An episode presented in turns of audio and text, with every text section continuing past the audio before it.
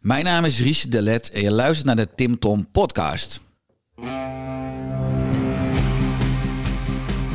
Welkom bij de Tim Tom podcast. Ik ben Timothy En ik ben Tom. Samen zijn wij jouw GPS naar geluk en succes.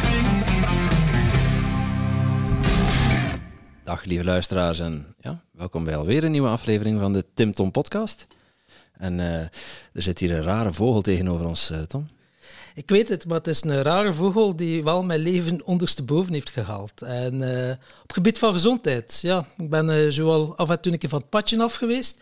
En ik ben dan op het pad van persoonlijke groei terechtgekomen bij ene Michael Pilarczyk, waar ik jou ook ontmoet heb natuurlijk. En dan kwam ineens een rare vogel ook even spreken. En dat was ene Richard de Let over gezondheid. Oersterk. Ik was zo gefascineerd. Zijn verhaal en hoe dat hij in het leven staat en hoe dat je jezelf gezond kunt maken. Ik heb direct zijn boek gekocht. En uh, nu het eer en het, de eer en het genoeg dat we hem hier gewoon te gast hebben in onze podcast. Inderdaad, ja, voor mij hetzelfde. Ik heb hem ook leren kennen daar op het podium en uh, in de podcast van Michael en in andere podcasts. En nu in onze podcast. Dus uh, mogen we hem eens vragen wat we willen weten. Kijk. Wederzijds bedankt voor het podium ook. Ja, ja tof. Welkom bij de podcast in ieder geval. Dank je. En leuk dat je, uh, ja, dat je bij ons te gast wilt zijn. Met liefde, ja zeker. Wij uh, starten onze podcast altijd met de vraag van de vorige gast. En die ken jij. Dat is Tony Loorbach. Leuk. We komen net uit Utrecht. Dus vorige week waren we in Utrecht. Mm -hmm.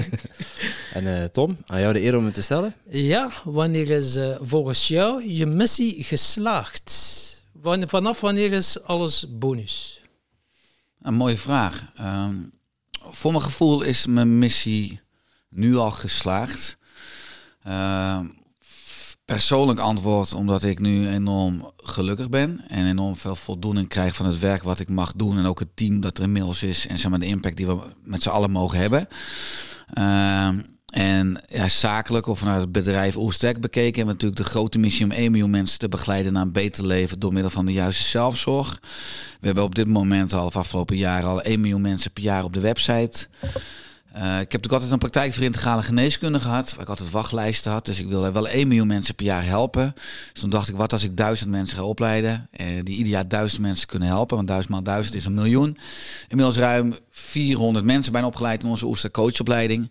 Uh, dus die duizend, nou in ieder geval, ja, we hebben wachtlijsten, die opleiding is steeds uitverkocht, dus dat gaat ook gebeuren.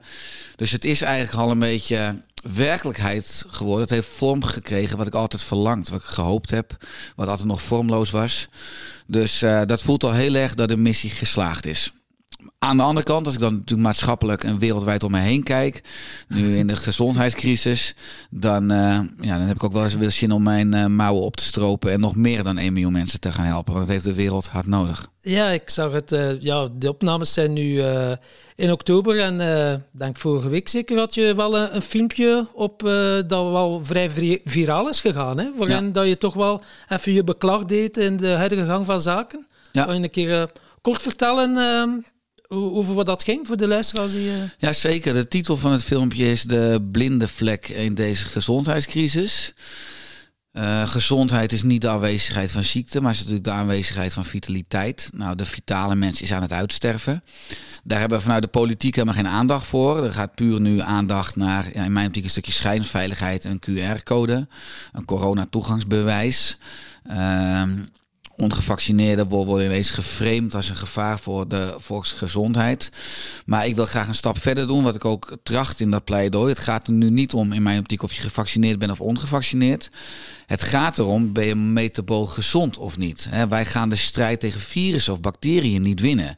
Die bestaan veel langer, zullen ook veel langer zijn nadat de homo sapiens eventueel uitgestorven is, waar we nu aardig aan bijdragen.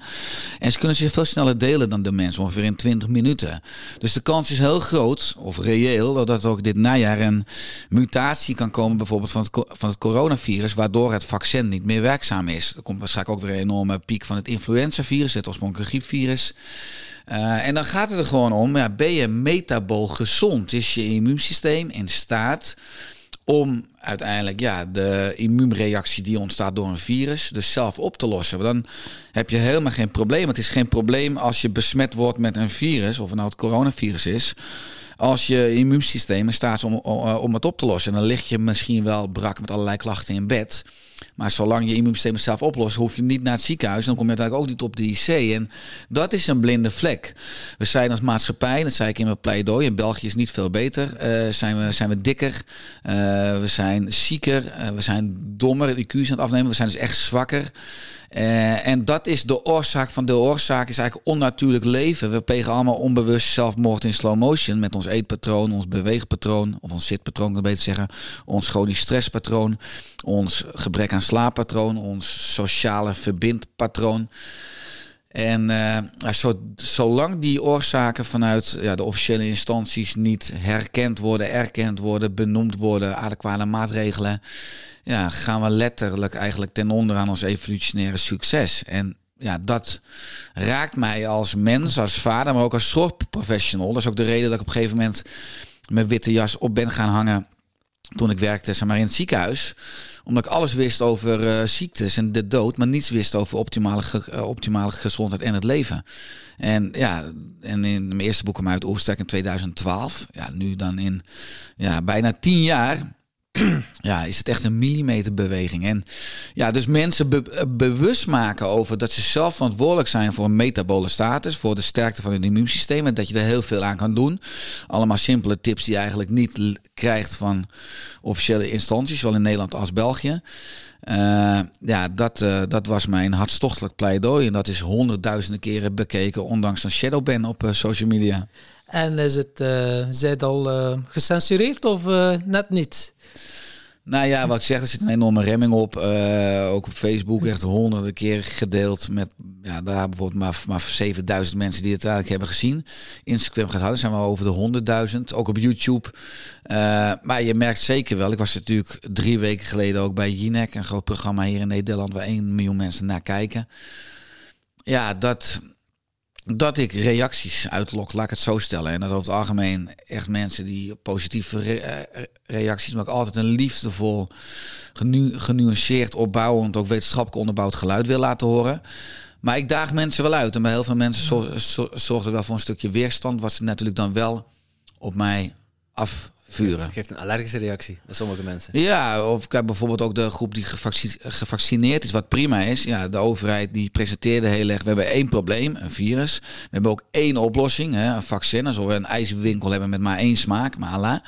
Nou, en die mensen voelden zich dan veilig als ze het vaccin hadden genomen. En ik ga eigenlijk zeggen van nee, het ligt genuanceerder. Want ook dat vaccin is misschien een korte termijn oplossing. Maar op de lange termijn ben je zeker niet, veilig. Moet je, moeten we op andere dingen gaan inzetten. En dan hebben die mensen ineens het gevoel van onveiligheid. Want ik sta tussen het probleem en de veiligheid in. En dan wordt op mij geprojecteerd dat ik dus de schuldige ben. Dat ze zich dus over het algemeen dan even wat minder lekker in een vel uh, vinden zitten. Of dat ik emoties oproep. Uh, maar ja, dat, die prijs draag ik met liefde. Ah, ja, er zijn nog partijen die bepaalde emoties oproepen. En dan heb ik het over de emotie angst. Ja. Um, ja, je noemde het net al kort heel even het immuunsysteem. Ja. Kun je uh, toelichten met jouw achtergrond wat angst betekent voor ons immuunsysteem?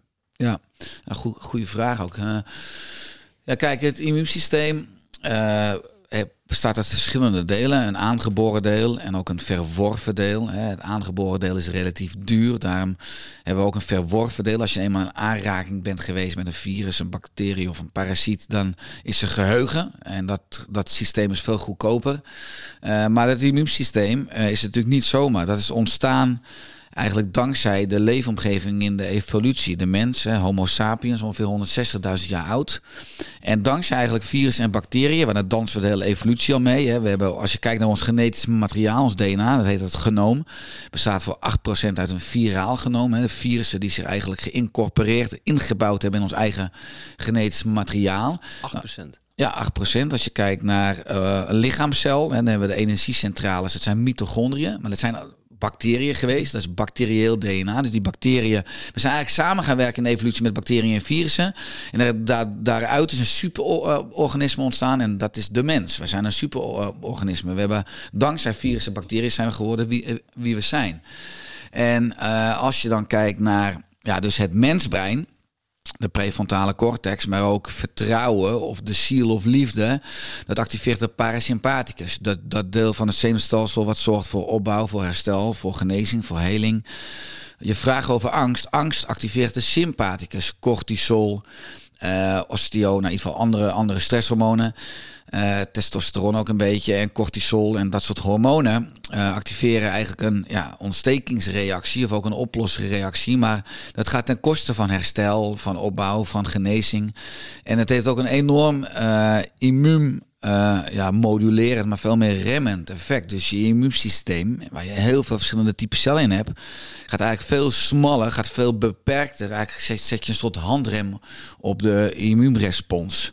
Uh, en als je dan inderdaad hebt over, nou nu dan afgelopen twee jaar het coronavirus dan wil je dat je een sterke immuunreactie hebt. Dat je immuunsysteem dus niet geremd wordt door allerlei nadelige factoren. En angst ja, is een van de grootste factoren vanuit ook weer het body-mind samenspel. Eigenlijk is het lichaam gecondenseerde geest. Alles wat je denkt en je voelt heeft linea recta een reactie in je stofwisseling. Je fysiologie, je stofwisseling en je psychologie zijn één uh, op één met elkaar verbonden. Hebben gescheiden voor de wetenschap. Maar angst uh, ja, is eigenlijk ook een evolutionair signaal dat je het leven niet goed aan kan. Uh, dat je niet flexibel genoeg bent, zowel fysiek, maar vooral mentaal, om dus met de stressor om te gaan, om daar een adequaat antwoord op te bieden. En dat verzwakt je immuunsysteem enorm, waardoor je kan zeggen dat de kans groter is dat je overlijdt, dus dat je je niet kan doorselecteren. Heeft ook nog eens een evolutionaire functie. Dus daarom, als je kijkt vanuit de officiële instantie, vanuit de angstpropaganda, om de vaccinatiegraad op te dwingen uh, of, of op te voeren, wat in mijn optiek onethisch is, maar heeft ook nog eens een radicaal negatief effect op de immuunrespons. En er is een grotere kans dat mensen, gevaccineerd of niet, in de problemen komen en in het ziekenhuis en op de IC. Wat we juist niet willen, ook officiële instanties niet. Dus ja, dat is best een, een goede evolutionaire grap. Nou, ja, ik, ik hoor het je zeggen. Uh, aan de andere kant hoor je dan ook weer geluiden van mensen die zeggen... Ja, maar de, die IC's liggen nu vol met mensen die niet gevaccineerd zijn. Dus de vaccinatiegraad moet omhoog. Uh, ja, wat, wat, wat zou jij daarop antwoorden? Ja, er liggen op die IC's vooral mensen met een, uh, met een enorme mentale ongezondheid. En uh, het klopt, niet helemaal dat 90% van de IC's, dat is, dat is, die data worden zeker niet juist geïnterpreteerd en heel verkeerd ge geïnterpreteerd. Maurice de Hond in Nederland is natuurlijk ook een fantastische pionier die iedere week nou ja, mooie blogs heeft met de juiste data. Als je bijvoorbeeld wereldwijd kijkt, hè, vanuit brede perspectief naar Israël, hè, die lopen eigenlijk voor. Die zijn het eerst gaan vaccineren, het grootste deel van de bevolking. Dan zie je, hè, waar we nu leven, het is vandaag 1 oktober. Maar over twee dagen, zondag 3 oktober, houden mensen daar alleen maar hun groene vinkje in de corona-app als ze het derde vaccin hebben genomen, een derde prik. En als je die er niet hebt, dan valt het vinkje weer weg. Maar in Israël zie je dat 80, 85 tot 90 procent van de mensen op de IC's gevaccineerd is. Uh, en dat is weer ons, toekomst, uh, ons toekomstland dus. Dat je ziet dat, uh, wat we nog helemaal niet weten op de lange termijn, dus, dus, dus ook vaccineren of gewoon als je immuunsysteem als je die niet voldoende traint, en zeker mensen die gevaccineerd zijn en zeggen van ik ben veilig en kan gewoon le lekker in mijn stoel blijven hangen en ik kan naar het restaurant en ik neem, ik neem vijf pintjes en ik neem uh, nou, lekker een bak patat met veel saus en ik neem lekker voor de Vlaamse luisteraars. ja, ja. ja. Uh, ik neem, ik neem nou, veel sperrips en ik ga s'avonds weer lekker op de bank plof ik met Netflix. Want nogmaals, ik ben gezond. Hè, want ik heb het vaccin, ik heb dat groene vinkje. Ja, uh, er gaat waarschijnlijk deze winter ook weer een influenza-virus komen. Wat ik denk wat veel mensen in de, in problemen gaat brengen. Maar ook de, zorg qua, IC's. Je ziet afgelopen paar maanden al dat bij kinderen al het RS-virus. Wat ook een wintersvirus was, wat nu ineens in de zomer uitbrak. Omdat we eigenlijk door de sociale afstand. Hè, we zijn niet gemaakt voor anderhalve meter afstand wat wel effectief is, dat we dus veel minder, ja, dat de virussen, allerlei virussen op elkaar overdragen. Maar dat is eigenlijk helemaal niet erg, want dat is immuuntraining. Daar blijven we sterk van. Dat allerlei virussen weer kunnen gaan toeslaan nu nou ja, uh, de maatschappij weer steeds meer open gaat. En ook het influenza-virus waarschijnlijk, want die hebben we verleden jaar niet gehad, nu extra hard gaat toeslaan. Uh, en dat gaat weer pro problemen geven op die IC's. Want dat deed het ook al in 2019, 2018, 2017. Toen hadden we dat zorgprobleem, IC-probleem ook al.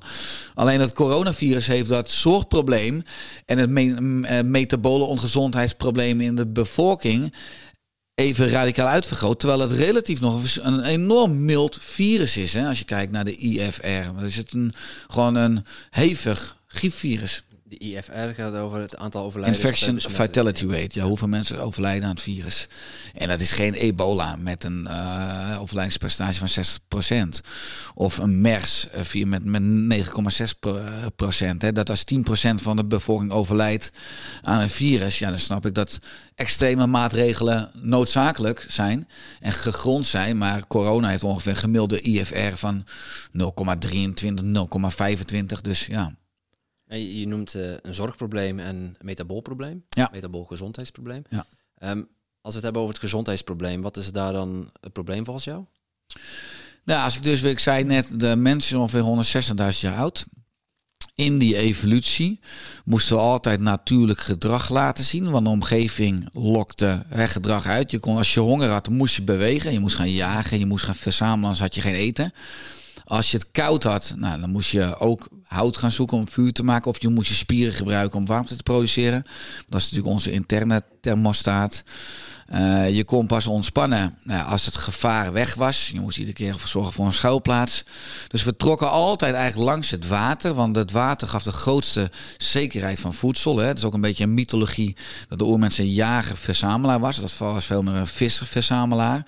Want de meeste jaagpogingen hè, die falen. Laten wij maar eens met ons drieën een genoeg gaan vangen op de savanne in Afrika. Nou, dan zijn we knappe jongens. Dat is een enorme uitdaging. Schiet maar als een haas of een konijn. Precies. Maar, en het water was altijd vis, zeegroenten, maar ook gewoon uh, schaal- en schelpdieren. Hè, dankzij het, het, water zijn wij homo sapiens geworden. De vetzuursamenstelling van ons brein is de hetzelfde als de vetzuursamenstelling van zeevoedsel.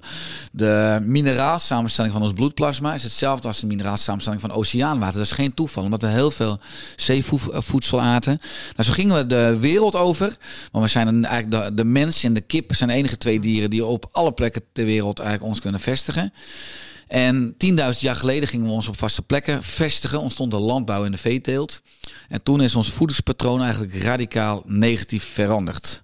200 jaar geleden de industriële eh, revolutie. Machines hebben onze spieren overgenomen. Dus daardoor is ons beweegpatroon radicaal negatief veranderd. En ongeveer 50 jaar geleden het digitale tijdperk. Met allerlei schermpjes en eigenlijk ook nog eens computers die onze, ons brein over hebben genomen. Is ons ontspanpatroon radicaal negatief veranderd. Dus je ziet dat we vanuit onze genen, vanuit onze handleiding, die we helaas niet krijgen als we geboren worden, allerlei natuurlijke noodzaken hebben natuurlijke behoeftes hebben. En die noodzaken zijn veranderd in de moderne ma maatschappij leefomgeving. Omdat we nou, veel te veel bewerkt voedsel hebben, comfort hebben. We hebben geen noodzaak meer om te bewegen. En veel te veel schermpjes hebben, social media, hè, allemaal een smartphone. Die de hele dag hè, onze aandacht kaapt. Waardoor we eigenlijk ten onder gaan aan ons nou, evolutionaire succes. Dus dat verkeerde eetpatroon beweegpatroon en ontspanpatroon brengt de drie belangrijkste hormonen onder onze motorkap uit balans. Cortisol, wat samenhangt met ontspanning. Insuline, wat zo ook samenhangt met bewegen, ook met voeding, maar ook vooral met bewegen. En leptine. En dat zorgt ervoor dat ons immuunsysteem radicaal verzwakt is, dus minder goed kan reageren. Als wij ons lichaam en ons, ons immuunsysteem, maar ik zei het net al bij de opening van de podcast, uh, gezondheid is niet de aanwezigheid van ziekte, maar de aanwezigheid van vitaliteit. Vitaliteit is opgebouwd uit drie sleutelsystemen: het brein, het autonome zenuwstelsel en het immuunsysteem. Nou, hoe de moderne mens leeft, ik noem net als zelfmoord in slow motion. Daar begrijpen onze genen geen bal van. Onze genen veranderen pas ongeveer een half procent per 100.000 jaar. Nou, de mens heeft 23.688 genen in iedere cel. Dat is ons genetisch materiaal. Dat verandert heel traag. Dus onze genen snappen geen bal van hoe we ons gedragen. En dat leidt tot mismatchziekten. Alle moderne welvaartsziektes, ook kanker, auto-immuunziekten, is gewoon het gevolg van, ja, dat heet epigenetica. Dus vroeger dachten we, het zit allemaal in de genen, alle ziektes, genetica. Maar slechts 0,2% van de ziekten zijn monogenetisch. Ik kan zeggen, dit gen hangt samen met deze ziekteaandoening één op één.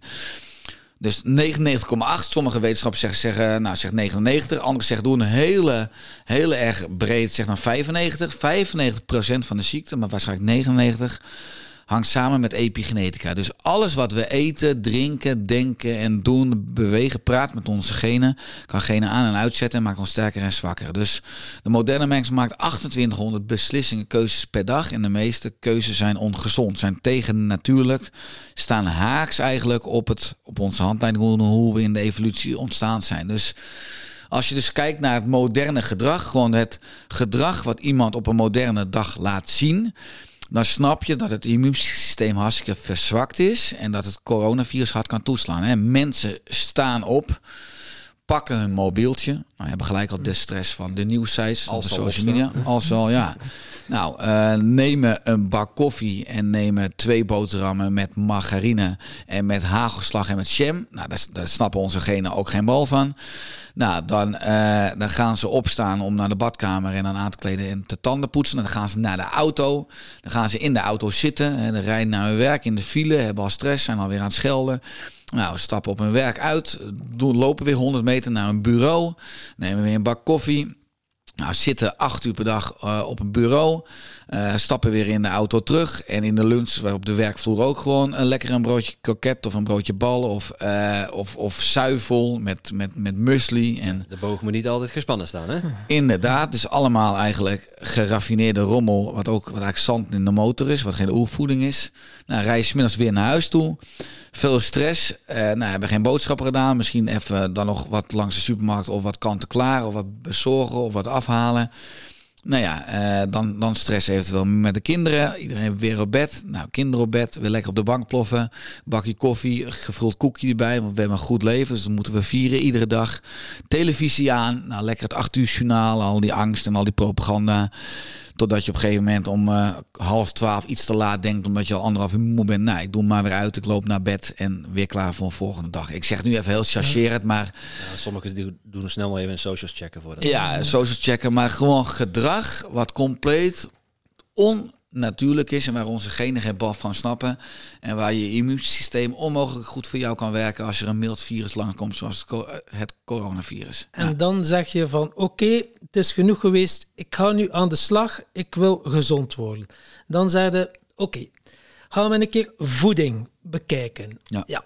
voeding, oké, gezond eten. Dan zeggen ze paleo is gezond, keto is gezond. Dan over laatst hoorde ik Janneken bij Koekeroe. Het ging dan ook even over, ja, ja, je moet heel veel fruit eten, hoofdzakelijk fruit eten. Ik weet niet of dat ze ondertussen al heeft gebeld, ze had dat al gezegd of zo. Je hoort van alles. Iemand en zei, je alles moet is- alleen maar vlees eten. dat is ja, goed. en alles is gestaafd volgens studies. Ja, ja, maar volgens die wetenschappelijke studie is dat en dat en dat. Ja, als gewone leek heb je zoiets van, eh, ja, Ja. oké. Ja. Nou ja, dat is wetenschap. Je kan net zoveel publicaties vinden als iets voor eh, dan voor iets tegens. Dus dat is wetenschap. Eh, het is ook natuurlijk interessant dat de financier van wetenschappelijk onderzoek, dat de uitkomst van het onderzoek vaak richting de financier wijst. Want je kan met wetenschap en je opzet van je onderzoek en ook je inclusie- en exclusiecriteria. Ik heb ook wetenschappelijk onderzoek gedaan, dus ik weet hoe je kan, nou, in die zin kan frauderen. Eh, maar dat wijst natuurlijk altijd richting de financier van het onderzoek. Dus dat is natuurlijk wel interessant als je het hebt over onafhankelijk onderzoek. Zelfs je intentie heeft al invloed als je dat weer vanuit de kwantumfysica gaat kijken. Maar wat je zegt, ik snap dat de gemiddelde mens gek wordt van al die verschillende voedingsvisies. En wat is nou waar? En ja, ik vind zelf de antwoorden niet in de wetenschap, maar ik vind de natuur de allergrootste leraar. En ik vind alle antwoorden in de evolutie. Als je gaat terugkijken, want de huidige geneeskunde is gebaseerd op biologie. En dat vinden we logisch. Hè. We gaan ook pathologie, we gaan eh biopten nemen, dat onder de microscoop bekijken. Maar de biologie is gefundeerd op evolutie. Alleen we zijn vergeten dus eigenlijk dat de basis van goede geneeskunde evolutie is. En tuurlijk zijn er misschien gebieden op de wereld waar mensen alleen maar fruit eten en dat mensen daar genetisch op aangepast zijn. Maar in mijn optiek is het dus onmogelijk om van puur 100% fruit eh, alles optimaal binnen te krijgen. Zeker in het moderne leefpatroon waar de mens chronische stress heeft. Eh Janneke heeft me trouwens nog niet gebeld, dus, dus daar wacht ik nog op. Deze Eh, uitnodiging. ja, eh, nee, Janneke is een schat van me. Ik ken, ik ken haar echt al jaren en we hebben andere visies en dat is prima. En uiteindelijk is het aan de luisteraar of aan de lezer of ook van onze boeken om alles met maximale twijfel aan te nemen. Wat Janneke zegt, wat ik zeg of wat wie dan ook zegt. En gewoon te voelen van hé, hey, wat resoneert met mij? Wat is mijn waarheid? En ja, zo leef ik zelf ook. Uh, maar als je hebt dus vanuit een oervoedingspatroon, zijn we gewoon ja, een flexitariër. Ik ben ook een voorstander dat we niet iedere dag vlees eten. En zeker, ik eet ook geen vlees uit de bio-industrie. Want natuurlijk ben ik ook erg wel, bezig met ethiek en dierenwelzijn. Maar ik ben wel, ik eet dus 80% planten. Nou, daar kunnen we elkaar op vinden. En planten zijn natuurlijk de voorouders van gewoon groente en fruit. Uh, veel kruiden, veel specerijen. Uh, is ook interessant. Ik noemde net, we hebben ongeveer 23.688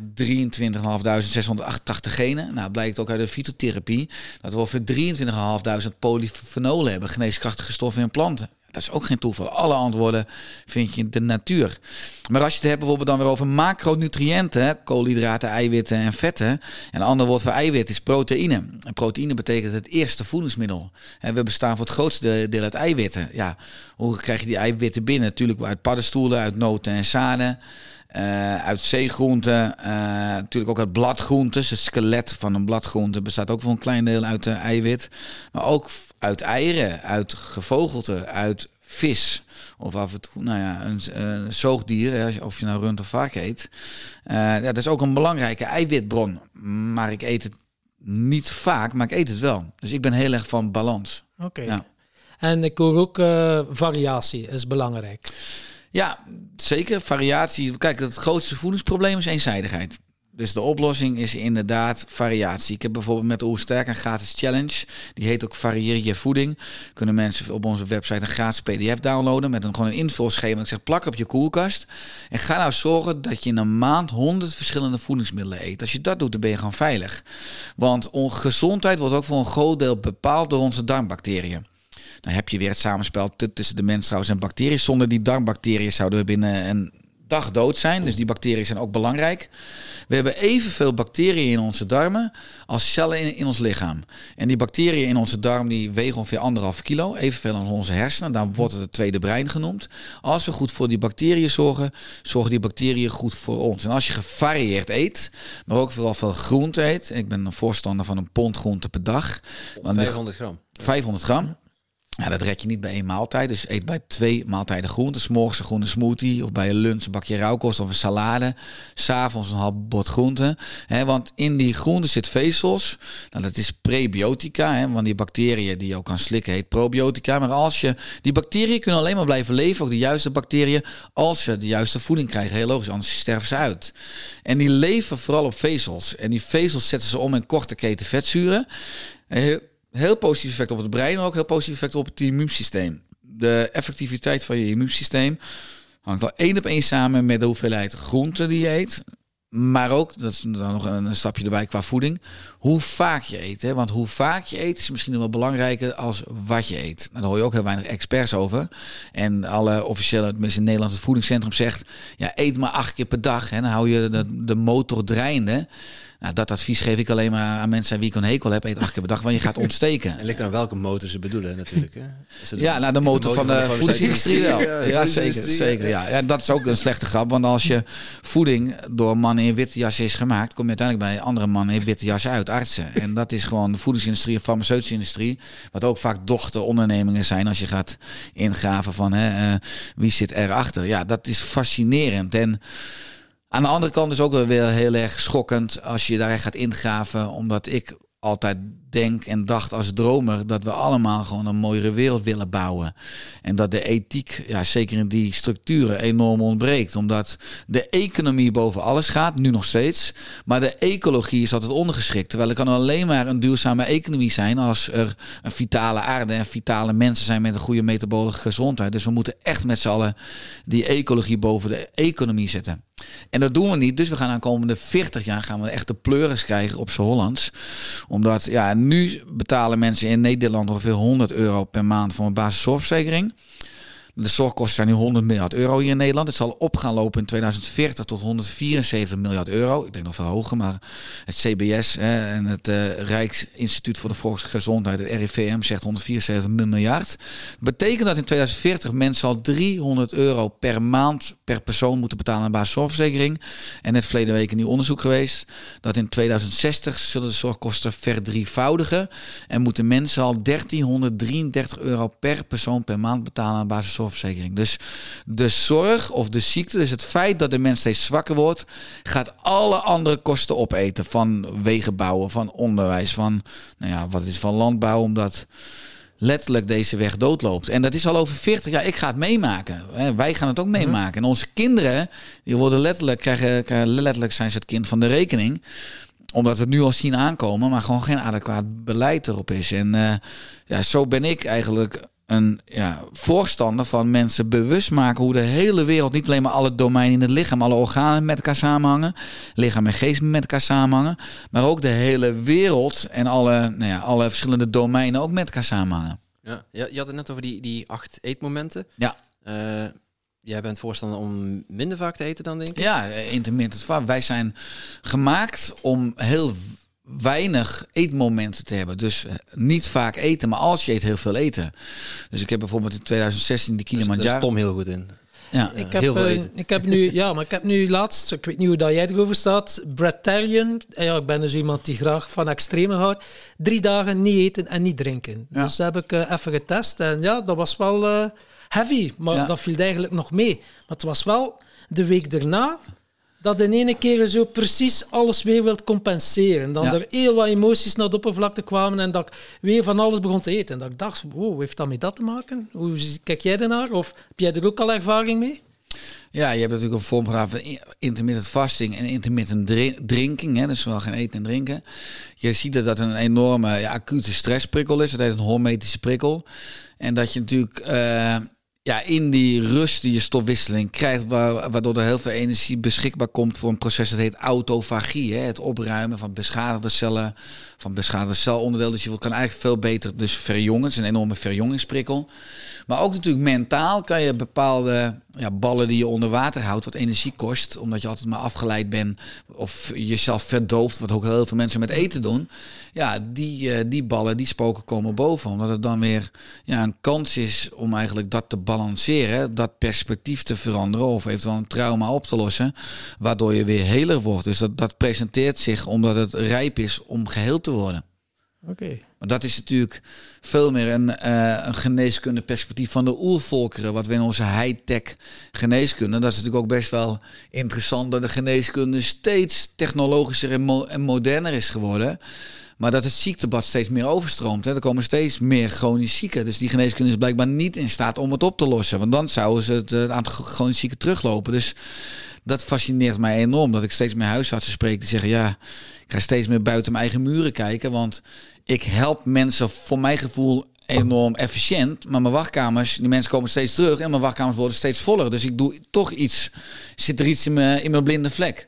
En dat is natuurlijk gewoon de, de leefstijlgeneeskunde. Laten we de, de natuur als leidraad en leefstijl als medicijn gebruiken. Maar dat wordt niet aangeboden in de artsopleiding, ook niet die van mij. En klopt dat dus, uh, ik had het ergens gelezen, dat op 72 uur niet eten, dat je dan volledig ontgift bent? Of uh, is dat... Uh...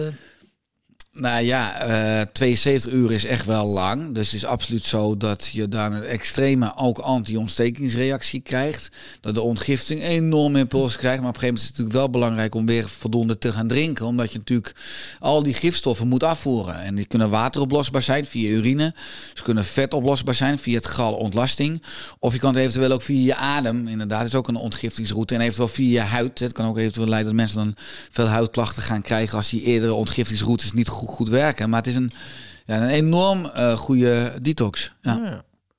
Want ik hoorde ook van, ja, als je niet drinkt, dat je, je vetcellen of zo water aanmaken. Een beetje het principe van een kameel of zo. Denken dat water is opgeslagen in de bulten, maar nee, een kameel maakt dat via zijn vetcellen aan, water. Is dat bij de mens ook zo? Of? Ja, we kunnen natuurlijk wel uh, water aanmaken, maar ook bij allerlei verbrandingsreacties uh, ontstaat water zeg maar, als uh, bijproduct. Het is natuurlijk wel interessant dat we kunnen zeg maar 100 dagen zonder voedsel. Ja, we hebben 200.000 kilocalorieën in ons lichaam opgeslagen. Dus dan is het een grapje als mensen zeggen... ik moet acht keer per dag eten. Want als, nu, als er een oorlog uitbreekt... en we moeten gewoon een maand vluchten en rennen... dan kan iedereen dat. Dus dat is gewoon een grapje dat je moet eten. Want nou, ze zijn insulineresistent. Ongevoelig voor het hormoon insuline... waardoor ze gaan trillen en gaan zweten en helemaal. Maar dat, dat is het probleem ook. Dat moet je doorbreken. Uh, we kunnen 100 dagen zonder voedsel. We kunnen ongeveer 10 dagen zonder drinken. En als je heel goed traint, kan je ongeveer 10 minuten kan je zonder zuurstof. Uh, maar dat is allemaal trainbaar. En we zouden eigenlijk ge gezondheid betekent flexibiliteit. Dat betekent dat je tien keer per dag kan eten. Dat kan iedereen. Maar dat je ook één keer per dag kan eten. En dat kan bijna niemand meer. En dus daarom zijn we inflexibel metabool. En daardoor zijn we zo enorm zwak. En ja, wat ik dus wou zeggen net is dat in 2016 ik met Wim Hof, die ijsman, dat we samen de Kilimanjaro beklommen in Tanzania. Ja, en Wim eet ook maar één keer per dag. Een andere goede vriend van de dieras Erwin van Geitenbeek, eet ook maar één keer per dag. Dus echte pioniers eten al maar één keer per dag. Nou, ik heb toch drie, vier dagen in de week dat ik twee keer per dag eet. En die andere twee, drie, drie dagen drie keer per dag. Maar ja, het liefst eet ik zo min mogelijk qua eetmomenten. Ja. En wat, wat zit daar dan ehm, achter dat ons ja, toch meerdere keren doet eten? Want ergens in opvoeding heb ik al meegekregen van ja, je moet toch wel ontbijten, want ontbijt is de belangrijkste maaltijd van de dag. Uh, terwijl ik hem nu regelmatig oversla. Ik denk vijf van de zeven dagen sla ik mijn ontbijt over. Behalve als ik fysiek echt hard moet werken, de boerderij of op, uh, op mijn bouwwerf waar ik aan het werken ben. Dan voel ik dat ik gewoon meer voedsel nodig heb en dat ik me ook gewoon flauw voel. Mhm. Ehm, wat wel eens gevaarlijk kan zijn als je op een ladder moet staan. Ehm, vijf van de zeven dagen ontbijt ik niet meer. En ik voel me eigenlijk fit. wat, wat, zit er dan achter dat, dat we dan aan de ene kant tegen iedereen zeggen... van ontbijt is het belangrijkste moment van de dag. En ja, dat ik me eigenlijk beter voel als ik het niet doe. Nou, aan de ene kant zeggen heel veel, veel mensen s morgens, ik kan niet starten op een lege maag. Maar een lege maag is geen lege motor. Als je avondmaaltijd eet, wordt die energie s'avonds s'nachts opgeslagen in je spieren en je lever als glycogeen. Ook al heb je een lege maag, je hebt dus prima veel glycogeen, dus brandstof in je spieren en je lever. Je kan prima een uur, twee uur kan je nuchter bewegen. Aan de andere kant hoor je natuurlijk continu van, nou, je moet ontbijten, je moet tussendoortjes, omdat hoe vaker we eten, hoe meer we eten, hoe meer we boodschappen moeten doen, hoe voller dat, dat karretje. En er zit ook gewoon een heel verdienmodel achter. Dus hoe vaker we, als we de hele dag grazend doorgaan, zoals dieren, etend, ja, dan eten we veel meer, dan kopen we veel meer. Dus dat is gewoon, uh, gewoon handel. Vanuit onze fysiologie, vanuit onze stofwisseling bekeken, vanuit een evolutionair perspectief, eten is ontsteken. Dus mijn handen, mijn bestek, mijn bord is niet steriel. Er zitten bacteriën, daar zitten virussen op. Dus iedere keer als ik een hap neem, komen die bacteriën en virussen binnen. 70% van het immuunsysteem zit in mijn darm.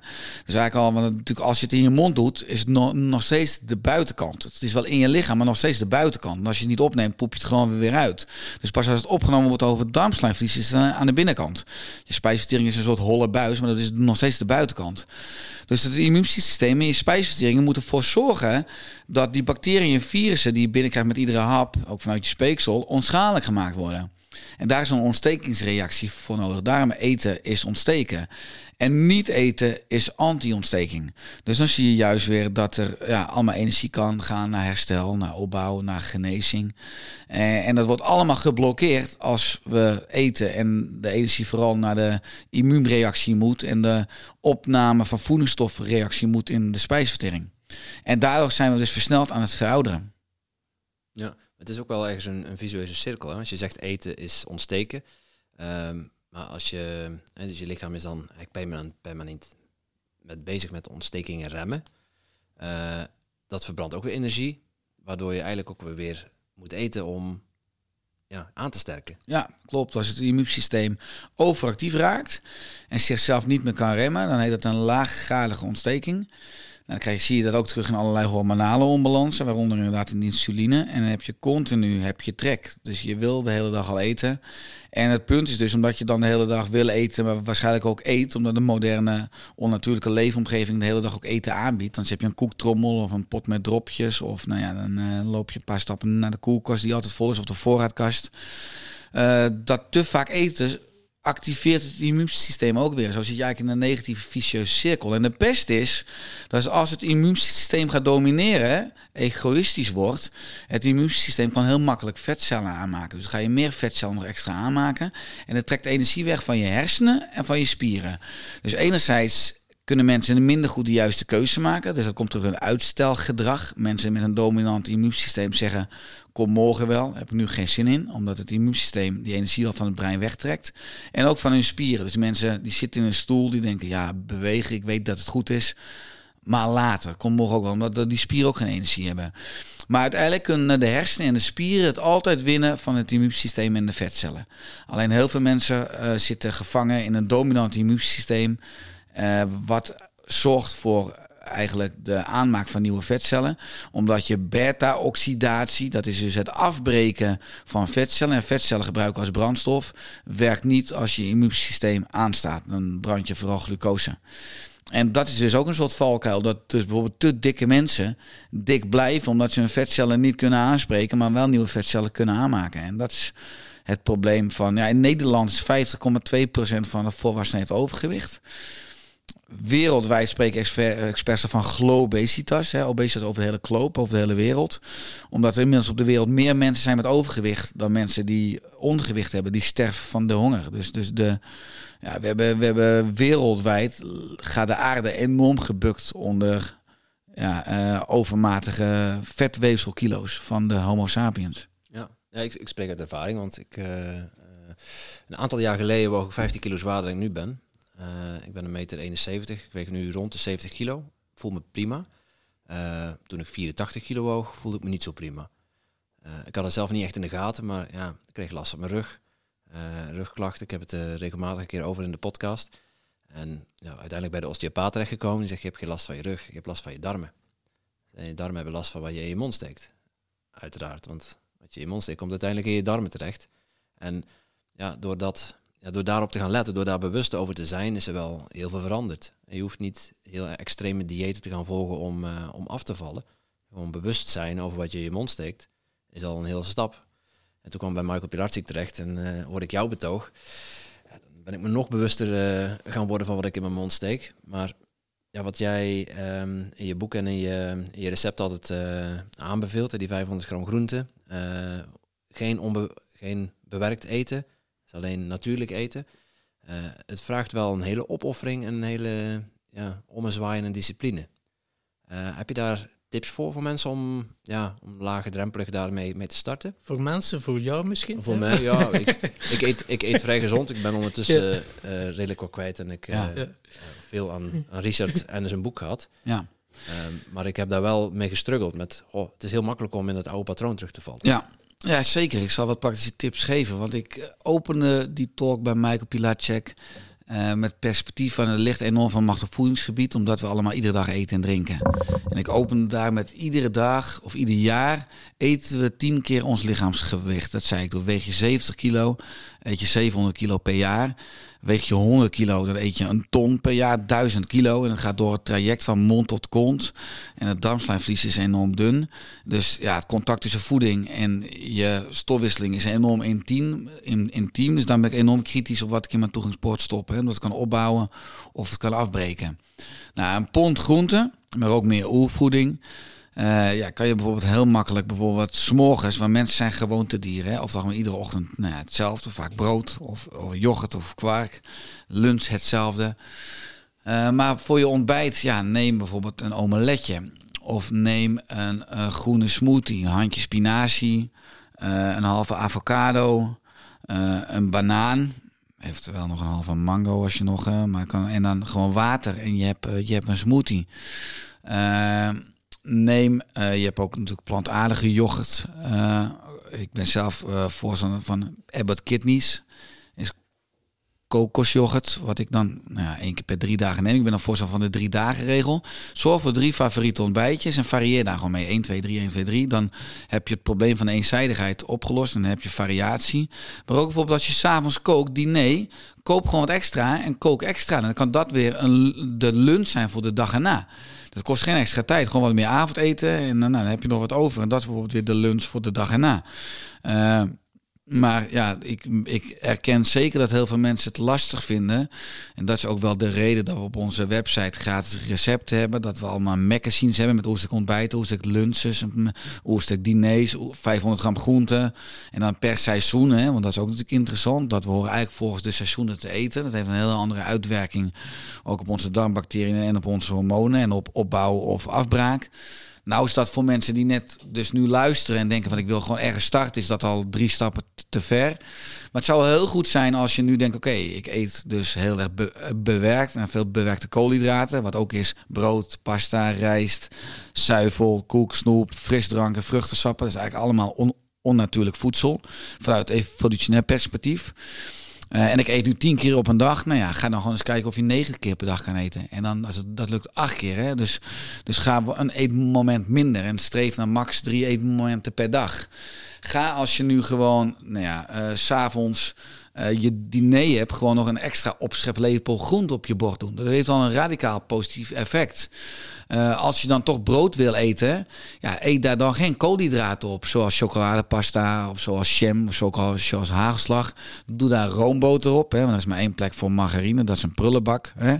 Uh, en doe daar vooral eiwitten of vetten op. Dus doe daar uh, plakjes ei op. Of doe daar, wat mij betreft, humus op. Of doe daar kipfilet op. Of, want eigenlijk moet brood op je beleg. In plaats van beleg heb je brood. Brood is puur het transportmiddel, is vulling van de voeding die je erop doet. Dus daarom roomboter, wat vitale vetten zijn.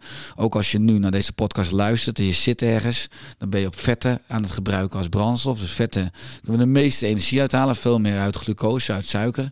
Maar dat zijn allemaal hele kleine stapjes uh, hoe je je voedingspatroon sterker, beter en kunt maken. Die vetten, uh, uw energie uit die vetten al. Wat de laatste Timo Hans. En die zei van ja, je hebt drie systemen of drie mechanismen. Je hebt eerst al uit je eten, dan is het gly glycogeen. En dan pas na 12 uur al het uit je vetverbranding of 13 uur. Ja. En daar haal je veel, me veel meer uit dan uit je voedsel of uit je glycogeen. Ja. ja. En dat is zo gewoon die drie, dat is bij iedereen zo, die drie mechanismen? Ja, klopt, maar dat verandert wel heel erg per persoon. Dat is ook een stukje. Ik ben natuurlijk een, uh, een moderne kwakzalver, wou ik zeggen. Maar ik combineer Oost en West. Dus ik heb ook heel erg veel verdiept in Oosterse stromingen. En als je nu kijkt in de Ayurveda, heb je drie menstypes: Vata, Pitta en Kappa. En die hebben allemaal wel een andere laat ik zo zeggen, metabolische flexibiliteit. Dus ook een andere tijdsduur dat ze over gaan schakelen. Bijvoorbeeld een vata, ik ben ook een vata. Die kunnen relatief makkelijk koolhydraten eten zonder ervan aan te komen. En als wij relatief stress hebben of te weinig koolhydraten eten, gaan we makkelijk afvallen. We vallen makkelijk af, maar komen moeilijk aan. En uh, pita zit een beetje in het midden. En uh, een, uh, een kappa. Ja, die hoeft maar aan boord pasta te eten. Dat te en, kijken. En het blijft aan zijn of haar kont kleven, zeg maar. Dus dat is, die zijn meer vetverbranders. Het ketogeen dieet is voor die groep weer veel beter. Dus en ook als je kijkt naar die uren, uh, ja, het verschilt heel erg per type. Dus het is heel erg persoonsgebonden, okay. maar het is wel heel erg goed inderdaad vanuit perspectief uit een vet kan je 9 ATP halen qua energie en uit glucose, koolhydraten maar 4 ATP. Dus relatief veel meer energie dan uit vet. Ja. Ah, en uh, jij uh, combineert tussen westers en oosters. Uh, dat is eigenlijk een hele andere levenswijsheid. Maar dan hoor je mensen zeggen, ja, het oosten, die hebben andere gebruiken. Wij leven nu wel in het westen, dus uh, ja, hoeft toch toosten niet naar het westen te brengen. Ja, je, zegt een heel mooie levenswijsheid. Ik denk dat we in het uh, westen heel slim zijn, maar dat ze in het oosten heel wijs zijn. En dat wij de wijsheid verloren zijn in de informatie en de kennis. Dat we veel te veel waarde hechten aan ons denken, aan cognitie, aan wetenschap. Terwijl we niet goed snappen dat de, de huidige wetenschap en de heilige graal, hè, uh, dat dubbelblind gerandomiseerd onderzoek, dat dat misschien wel niet in staat is om uh, de waarheid te meten, in kaart te brengen. Dus we zeggen heel erg in het Westen, meten is weten. In het Oosten natuurlijk, weten is veel meer dan meten, wat ook waar is. Uh, en in het westen zeggen we eerst zien dan geloven. En in het oosten eerst geloven dan zien. Want alles is, daar gaat mijn nieuwe boek ook over. Mijn nieuwe boek heet Zielsgelukkig is kent gezond. Zeven spirituele wetten voor gezondheid. Uiteindelijk zijn we subtiele energetische wezens. En ook zelf de, de, de ervaring of het zien van een lichaam of van een tafel of van een computer wat vaste vorm heeft, is een illusie. Omdat we bestaan allemaal uit vibraties, uit trillingen, die vallen op ons netvlies. Daar zitten nou ja, uh, uh, elektrische receptoren die dat kunnen omzetten in een signaal. Die via de nervus opticus, de oogzenuwen, gaan ze naar achter, naar, ons, naar onze optische kwap, achter in ons brein. En achter in ons brein wordt de illusie van vorm of nou een tafel is of mijn lichaam, wordt daar gecreëerd. Maar in werkelijkheid is, is, is, is, uh, is alleen maar energie. Is er alleen maar trilling. Is er een veld van onbegrensde mogelijkheden. En de mogelijkheden kies je vooral zelf vanuit het perspectief hoe je vooral ook in de eerste zeven jaar van het leven als kind geprogrammeerd, geconditioneerd bent. En wat je gelooft, ja, of niet gelooft, dat is waar. Maar alles is waar en niets is waar. Ja, je hebt ook weer die, je had het net over epigenetica. Dus wat je eet, word je. Wat je drinkt, word je. Maar ook wat je denkt, word je. Ja. Uh, ik vind een mooi bruggetje naar, uh, naar jouw boek, naar die zeven spirituele wetten. Uh, heb je zin om eens even te doorlopen? Ja, zeker. Ja, dat is dus, dus, dus interessant dat als je gaat kijken naar de mens, dat ik heel erg natuurlijk vanuit de wetenschap kom. En ook heel erg als arts dacht van vanuit het vlees en bloed kan je alles oplossen, kan je alles genezen. Nou is de geneeskundeopleiding misschien niet meer de juiste term, veel meer medicijnen natuurlijk hoe het was. En je ervaart heel erg, toen ik met mensen ook in mijn praktijk werkte, op de fysiologie, dat heel veel mensen nou ja, niet verbeteren. Nou, toen ging ik veel met de mind erbij betrekken. Dus uh, ja, body-mind. En toen merkte ik weer dat ook als je dus met allerlei mijn principes werkte. Tony Robbins, uh, Joe Dispenza, uh, Bob Proctor. Uh, nou, je hebt John De, John De Martini, vind ik echt geniaal. Een, een Amerikaan dat heel veel mensen ook niet, niet, niet ja, 100% genezen of beter worden. En toen ben ik de ziel erbij gaan betrekken. Hè? Want de ziel is in mijn optiek dus bezieling. Uh, passie is de taal van de ziel, letterlijk als je het woord vertaalt. En, en uh, enthousiasme betekent de God in zich hebbend. Inspiratie, letterlijk nieuw leven inblazen. Maar dat zeg maar, je blauwdruk volgen. Uh, datgene doen waarom je hier in mijn optiek op de aarde bent met unieke talenten en mogelijkheden. En die leegte die je voelt, eigenlijk daar willen we antwoorden op. ieder mens heeft een eigen leegte. En als we die vullen, dan heet het ook vervulling. Dan ervaar je dus vervulling, het vullen van je leegte. Ja, die body, mind, ziel driehoek, ja, dat, dat komt in mijn optiek uh, veel meer... Uh, dat we dan over het echte leven en, en, het, en het totale mens zijn hebben. Is dat dan uh, hoofd, hart, buik, dat ook Ja. wel eens wordt gezegd? Ja. ja. Ja, dus die drie breinen. De juiste keuze maak je soms met je hoofd, wat verstand zit, beheersing. Soms met je hart, waar natuurlijk ook het verlangen zit en het, de, de, de behoefte om te verbinden en dingen samen met mensen te beleven. We zijn sociale dieren, we worden het afhankelijkst van alle dieren in het zoogdierenrijk geboren. En het buik hangt natuurlijk heel erg samen met uh, intuïtie en met drijfveren. Hè. Dus kennen we ook wel uit spreektaal, luisteren, je moet meer naar je onderbuik luisteren of je moet meer je hart volgen. Ja, vaak je zou veel betere keuzes maken als je ook naar je hart en je buik zou luisteren. En dan uiteindelijk misschien met je hoofd een keuze maakt. Ja, en dan staat dat wel allemaal mooi neergeschreven in boeken. Ik heb er ook zo honderd uh, boeken uh, liggen. Maar hoe doe je dat, hè? Vanuit je hoofd naar je hart gaan of naar je buik gaan? Ja, dus de, de rode draad in het nieuwe boek is dus die zeven wetten. Eén wet is uh, Wet 1 trouwens. Uh, uh, volg je innerlijk vuur. Dus daar gaat het eigenlijk over dit. Volg je passie. En kom er nou achter eigenlijk wat je hoogste waarden zijn. Hè? Want als je je dag en je tijd niet vult met hoge prioriteitsdoelen, dan wordt je tijd, wordt je dag gevuld met lage prioriteit afleidingen. Dat is een universele wet. Dus we allemaal ervaren dat je soms opstaat. Uh, je opent uh, je mailbox of social media. Uh, een uur later ben je kattenfilmpjes aan het kijken. Maar je bent dus heel reactief vanuit de mailbox, social media. Ben je dingen aan het doen. Het voelt heel productief. Aan het einde van de dag denk je, nou, ik heb heel veel, heel veel gedaan. Maar ik heb niet echt een voldaan gevoel. Omdat dat continu het oerbrein gereageerd op hetgene wat urgent is. Maar hetgene wat belangrijk is gezinstijd, bouwen aan je belangrijkste doelen hè, of je doelstellingen. Uh, tijd voor de juiste zelfzorg voor jezelf. Dat gaat allemaal ten koste, zeg maar, als je continu op het urgente re reageert. Dus volg je innerlijk vuur en krijg helder wat je hoogste waarden zijn. En ga je leven zo inrichten. Ja, dan heb je zo'n snelcursus. Veel mensen denken, ja, ja, passie, passie, passie. Ik zoek er al gans mijn leven naar, maar ik weet het niet. Nou ja, hoe kom je erachter wat je hoogste waarden zijn? Dat is gewoon, wat nu je hoogste waarden zijn, zie je terug als je naar je bankrekening kijkt. Waar besteed je nu de meeste tijd aan? Oh, sorry, waar geef je nu het meeste geld aan uit, moet ik zeggen. Uh, ook als je je agenda kijkt nu, waar besteed je de meeste tijd aan? Dat, dat is op dit moment je hoogste waarde. En als mensen dan zeggen, ja, nee, maar dat wil ik helemaal niet. Ja, dan is dat, hou ik jezelf voor de gek. Want je brein, uh, het heeft toch een voordeel. Je brein geeft de toestemming, je laat gedrag zien. Omdat het een, een voordeel heeft. Anders zou je het niet doen. Dus ook al wil je het niet, dat is dan niet waar. Je wil het wel. En het heeft dus uiteindelijk nog een onbewust voordeel. Dan moet je daarachter komen. En dat is ook een wet in het boek. Dat al het bestaat alleen maar liefde. De rest is een illusie.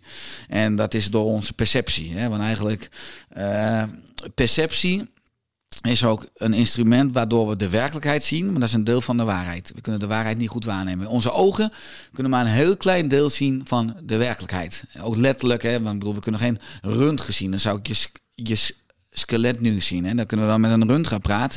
Maar oh, als je kijkt naar het volledige elektromagnetisch spectrum, kan de mensen maar een heel klein deel zien. En daar baseren we onze werkelijkheid op, maar de waarheid is natuurlijk veel breder. Dus ieder voordeel heeft een nadeel. En als je dus een nadeel in je leven ervaart, ga dan ook kijken, oké, wat is het voordeel? En als je een voordeel ervaart, ga dan ook kijken, wat is het nadeel? Want alles is altijd in balans. Dus heel veel mensen leven onterecht in een fantasie, zien alleen maar het voordeel zonder het nadeel. En heel veel mensen leven onterecht in een nachtmerrie, zien alleen maar het nadeel zonder het voordeel. En als je gaat zoeken, ieder hoofdstuk zit ook een praktische opdracht bij om de tegenhanger te vinden. Wanneer ervaar je eigenlijk dankbaarheid en dan zie je de compleetheid, de heelheid en dan ervaar je liefde. Dat is allemaal zo'n beetje de positieve intentie van de, de dingen die je doet. Heeft ja. altijd levert u altijd iets op, een verborgen voordeel. Ja, zeker. Ja, maar niet vanuit een sprookje en een wistful thinking, maar echt vanuit natuurwet. Het is echt gewoon kwantumfysisch is het waar.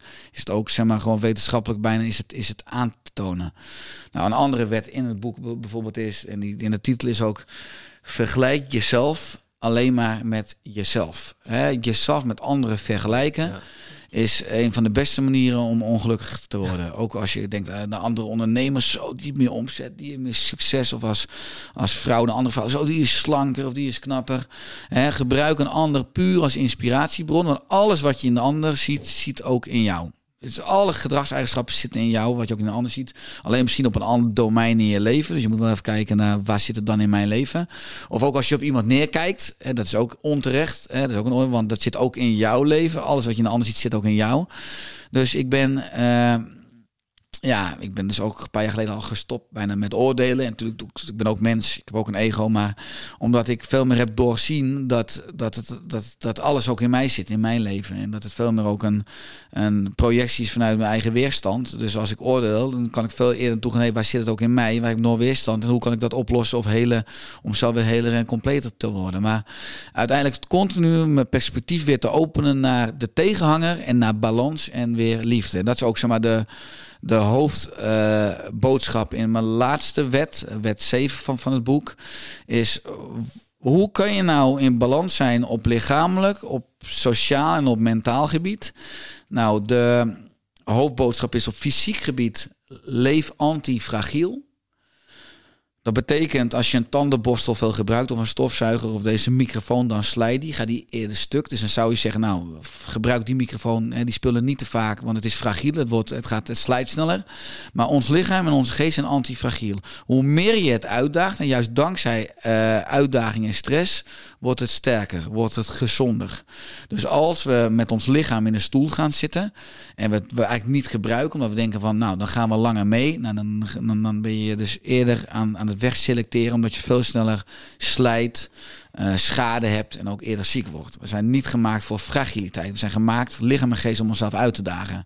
Leef antifragiel. Dus dat kan hè, door minder vaak te eten, door meer groente te eten, door te bewegen voor je eerste maaltijd, nog te bewegen, door koud te douchen, uh, door minimaal 7,5 uur per nacht te slapen door uh, cardio te doen, dus te wandelen of te fietsen of iets te doen waar je energie voor krijgt, uh, passie, door krachttraining te gaan doen, door te mediteren, door te, te visualiseren, zijn allemaal acute hormetische antifragiele prikkels.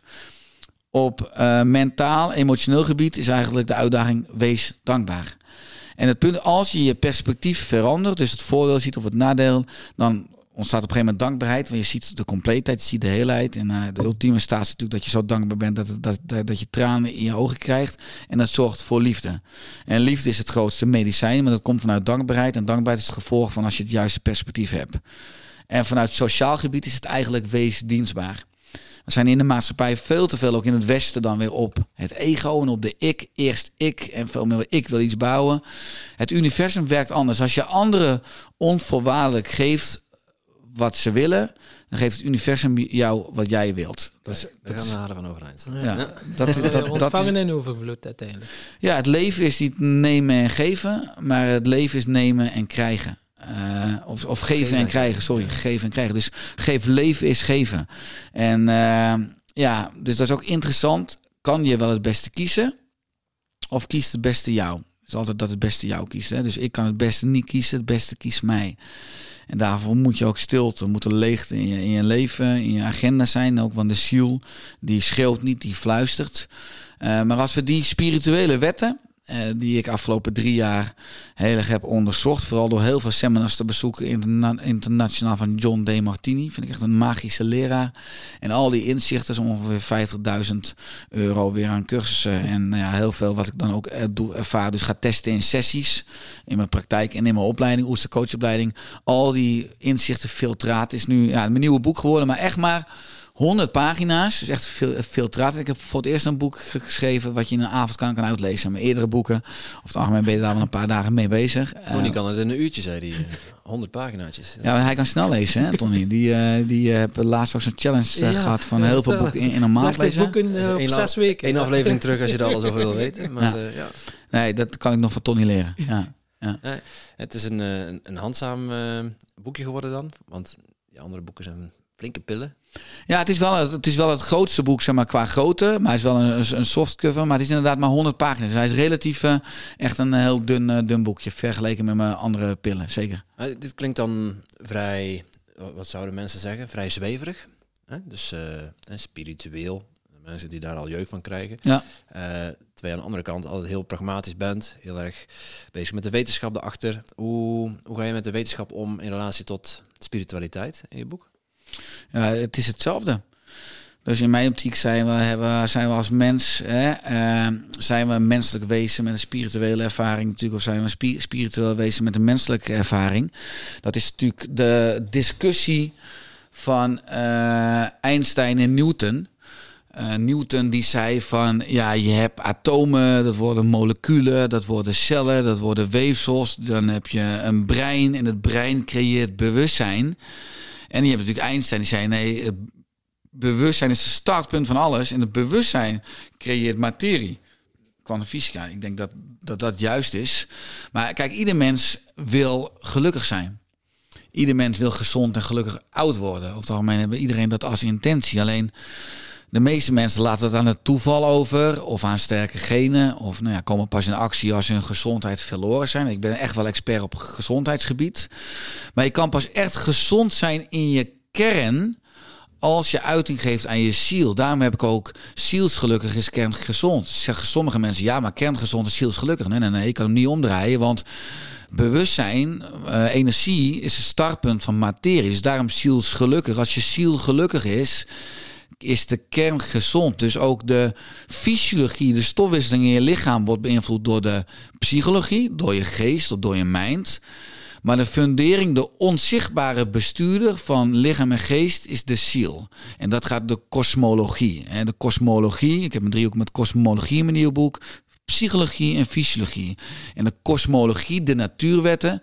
Als je die snapt, kan je die heel leuk gebruiken in je denkstijl. Dus hoe je denkt. En in je leefstijl. Hoe je leeft met je lichaam.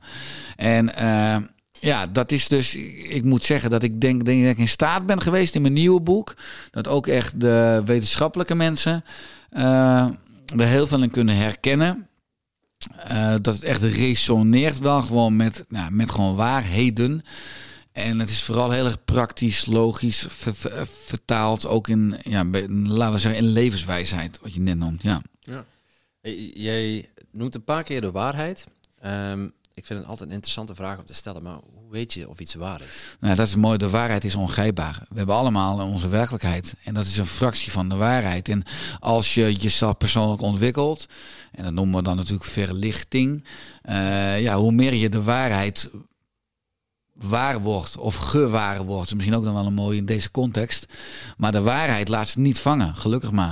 En we hebben allemaal dus, dus onze perceptie van de waarheid. We hebben allemaal een werkelijkheid van de waarheid. Ja, het zei iemand laatst. Uw lichaam spreekt altijd de waarheid. uiteindelijk. Ja, het lichaam liegt nooit. Ja, Ja. Body keeps the score. Dus veel meer dat. Dus als je met je hoofd geen nee kan zeggen, en dan gaat je lichaam dat doen. Dat is natuurlijk heel erg wat we ook natuurlijk met psychosomatiek hebben. Maar waar we gewoon denk ik heel erg merken, omdat het ziektebad stroomt over, omdat de benadering in de geneeskunde puur vanuit leefstijl alleen maar en vanuit eh, materie, ja, schiet gewoon tekort. Omdat we dat onzichtbare, zowel het mentale, maar ook het spirituele, niet betrekken in de reguliere spreekkamer. Maar daar zitten de meeste grondoorzaken van ziekte. En eh, over ziekte gesproken, ja, uw maag, uw lever staat altijd in verbinding met iets, met een emotie. Eh, hoe ver sta jij erin? Er is zo'n boek, De Sleutel tot Zelfbevrijding, hè, dan al die ziekten... Nou, Christine eh, Beerland. Ja. Ja, eh, Ja. dan al die ziektes staan beschreven en dat heeft dan altijd wel te maken met iets emotioneel of zo. Ben jij er ook mee bezig of wat denk jij erover? Is dat een beetje te ver? Ja, nee, ik ben, wat ik gewoon ervaren heb in mijn praktijk is dat 70% eh, van de klachten of van de mensen die bij je komt gewoon oplosbaar is met eh, leefstijl en met eh, zeg maar orthomoleculaire geneeskunde. Maar dat 99% oplosbaar is met eh, body-mind interventies. En ook dus als je dus zeg maar, negatieve emoties en trauma's, want dat ligt er bijna altijd ten grondslag, ook aanpakt, eh, bewust maakt, eh, ontlaat, ontstrest, eh, heelt, compleet maakt. Ja, absoluut. Ik denk dat die benadering wel steeds meer omarmd moet gaan worden, omdat het de enige weg is om echt duurzame gezondheidszorg te hebben. Want u liet vallen, orthomoleculair, we hadden laatst ook iemand in onze podcast en we gaan er nu ook bij. En dan met spiertesten meten ze van, oei, hier heb je onbalans, oei, uw darmen, oh, dat heeft te maken, je moet leren loslaten, keus, maar oh, hypothalamus, oei, je zit in angst. En Ja. dus alles eh, is ze dan aan het meten en dan heeft ze ook suppletie, misschien ook een bruggetje, ja, want jij, bent ook, jij vindt ook wel, het is belangrijk omdat je niet alles uit je voeding kunt halen, dat je nog extra vitamine neemt. Ja. Eh, en dan zei Joël Goudsmit, eh, ik ben het niet helemaal eens met eh, Richard. Volgens mij haalde wel alles uit de voeding. Ja, nou ja, kijk, eh, Joel is natuurlijk een groot voorstander van zijn sapjes en slow juice. Kijk, het moderne leefpatroon is extreem belastend. Er spelen een aantal factoren mee. Is dat de landbouwgrond enorm uitgeput is door intensieve landbouw. Dat we door onze leefstijl met chronische stress veel meer behoefte hebben aan de essentiële micronutriënten, dus vitamines en mineralen. En dat ook door allerlei gifstoffen, ook al heb je een biologische moestuin, dan valt toch zure regen op met wat gifstoffen. Dat door gifstoffen die we nou, sowieso helaas binnenkrijgen, ook via de lucht, eh, bijvoorbeeld als je op een snelweg rijdt, eh, dat bepaalde enzymen, dus omzetfabriekjes, minder goed functioneren. Dus daardoor hebben we hogere concentratie nodig aan bepaalde micronutriënten. Kijk, officiële instanties die hebben het altijd over de ADH, de aanbevolen dagelijkse hoeveelheid. Nou, ik noem dat de achterhaalde dagelijkse hoeveelheid. Vanuit de gebrekziektes voorkomen ben ik het daarmee eens. Hoef je het niet aan te vullen. Dus je hebt eh, ja, minimaal, je hebt dan gemiddeld en bovenaan is optimaal. Mijn visie ligt altijd bij optimale gezondheid. Wil je optimale gezondheid hebben, dan moet je ook optimale doseringen binnenkrijgen van essentiële micronutriënten. Nou, je ziet dat de moderne mens hè, in Nederland, maar ook in België, vooral tekort heeft aan zeven micronutriënten. Vitamine D3, eh, vitamine K2. In België natuurlijk ook vitamine K3. Dat zijn drie meiden, maar vitamine Er zijn met twee K2. tegenwoordig. Ja. Ja, er wordt een derde nu, nu, nu, nu, nu, Tegen deze online is, eh, Ja. is er een derde. Ja. En dat zou ook zomaar een jongen kunnen worden, zeg ik, hè, die ook eh, kans maakt. Eh, Omega-3 vetzuren, magnesium, zink, selenium en jodium. En die zeven stoffen komen de moderne mensen te, tekort. En ik kan na een uur praten over vitamine D3. Slikken heel veel mensen al, maar vitamine D3 hè, is zonlicht. We wonen op de 43ste breedtegraad. We wonen te ver van de evenaar af. De, zon, de, zonnekracht is iets te zwak. Eh, dus we moeten vi- vitamine D3 supplementeren.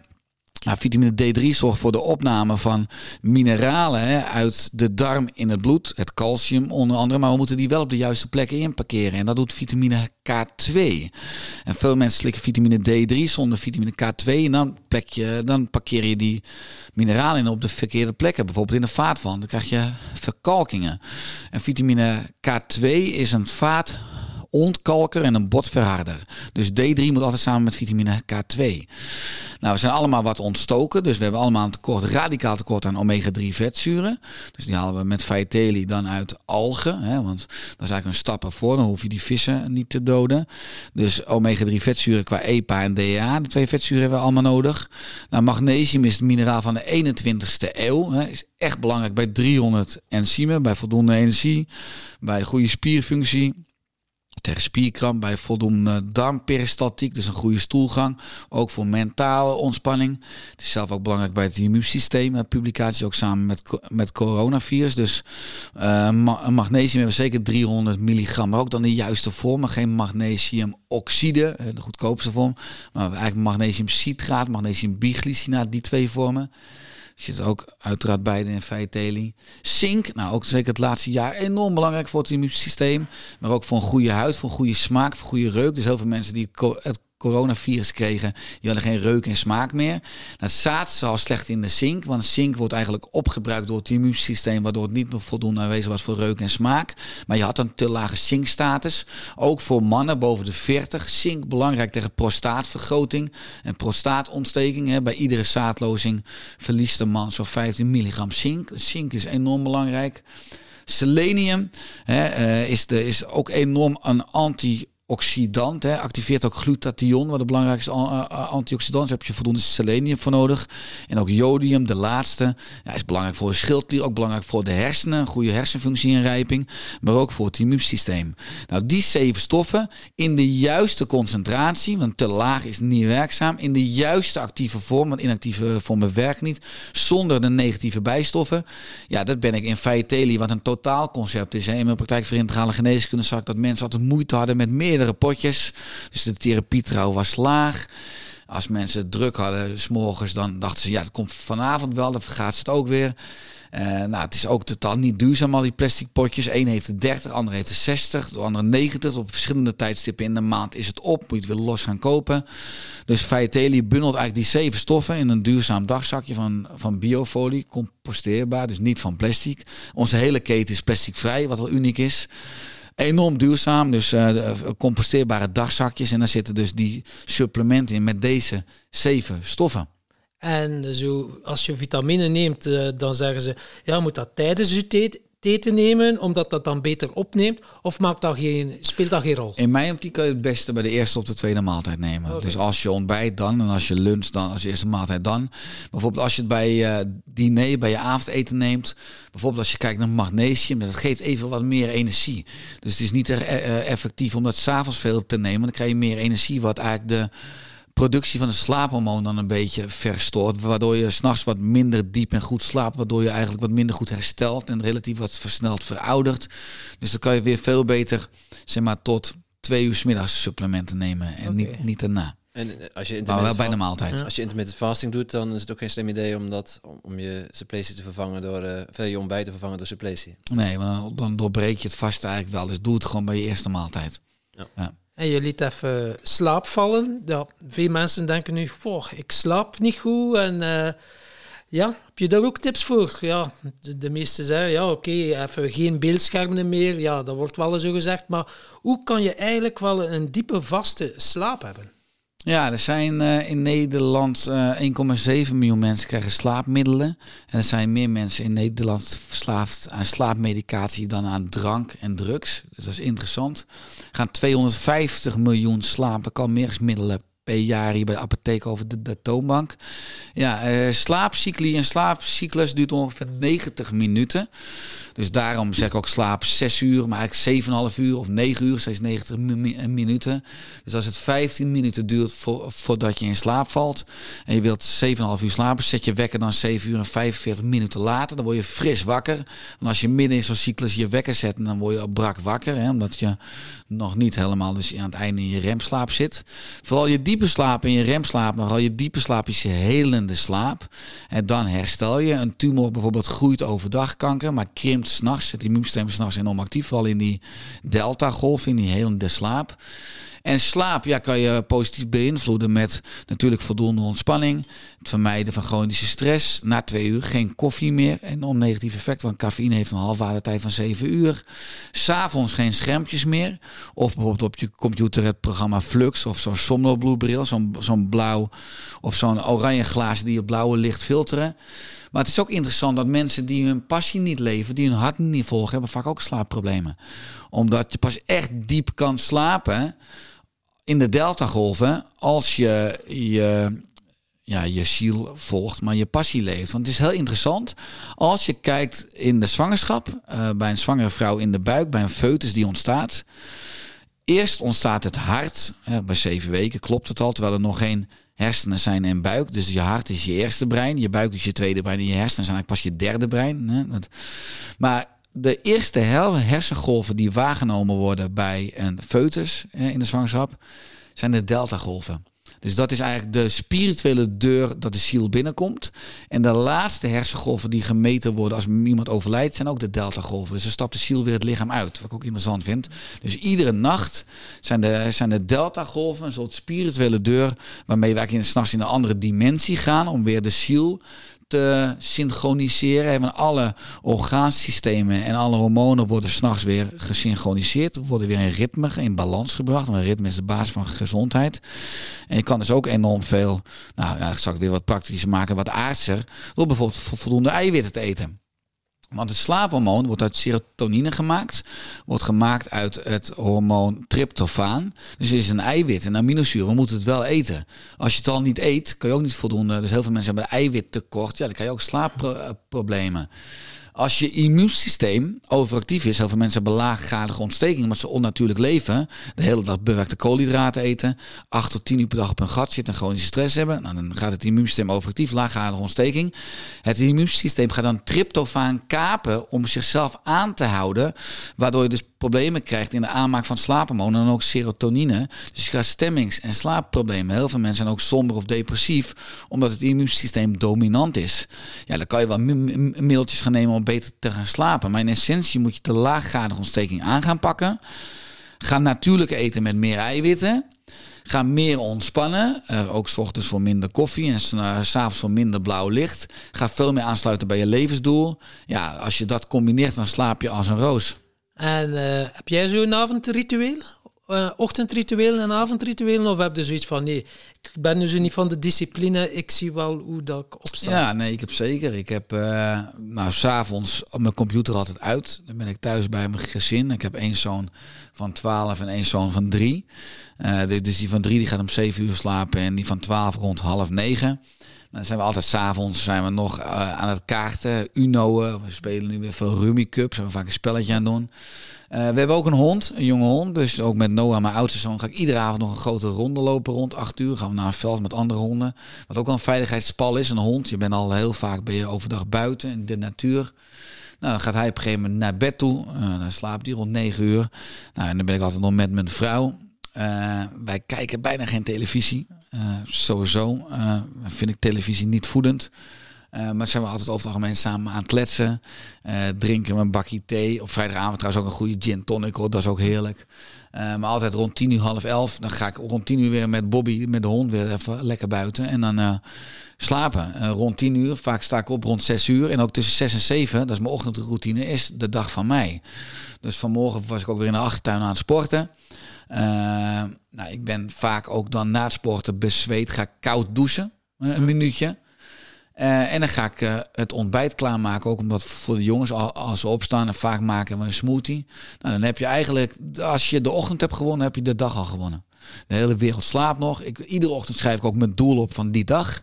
Zodat mijn dag geslaagd is als ik dat doel doe. Maar dat bepaal ik s'morgens al. Zodat ik weet, oké, dit is het belangrijkste vandaag. Ja, dus eigenlijk schrijf je al op wanneer is men een dag geslaagd, wanneer is het goed genoeg. En ook niet te hoog leggen waarschijnlijk dat het haalbaar blijft. En... Nee, want ik doe het iedere dag, dus ik weet inmiddels wel wat haalbaar is, realistisch. Maar kijk, het geheim van iedereen wil een goed leven hebben. Want dat is voor het oerbrein veel te beangstigend en veel te groot. Het geheim van een goed leven is een goede dag hebben. Als je vandaag een goede dag hebt en morgen en overmorgen en ga zo door. En al die dagen aan elkaar plakt, heb je automatisch een goed leven. Dus richt je niet op een goed leven, maar richt je op een goede dag, op vandaag. Kijk in de keuken. Wat, wat was vandaag dan een goede dag voor jou? Wanneer is vandaag geslaagd? Van, echt vandaag? Ja, eh, vanmorgen, een vriend van mij is ook mijn personal trainer. Die was er vanmorgen om half zeven. Dus ik heb van half zeven tot kwart over zeven vanmorgen getraind. Eh, toen ben ik eh, koud gaan douchen.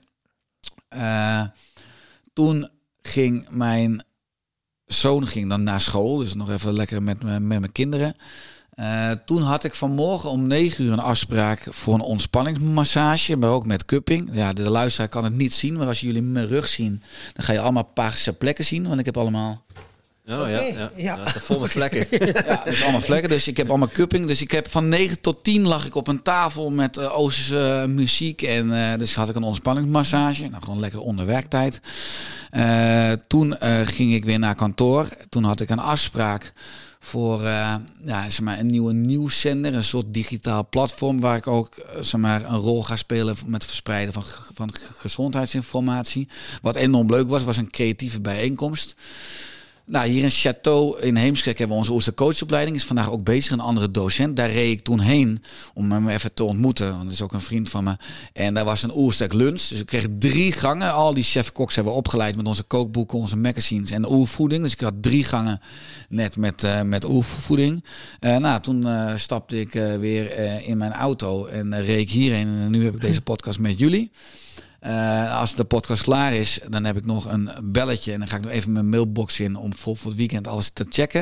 En ik sluit altijd om kwart over vijf af. En ik zorg dat ik half zes thuis ben.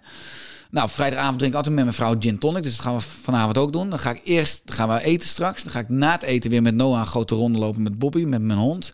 Dus wat je hoort, maar ik heb iedere dag veiligheidspal met voor de ontspanning. Maar eigenlijk oersterk staat misschien de, voor de O van ontspanning.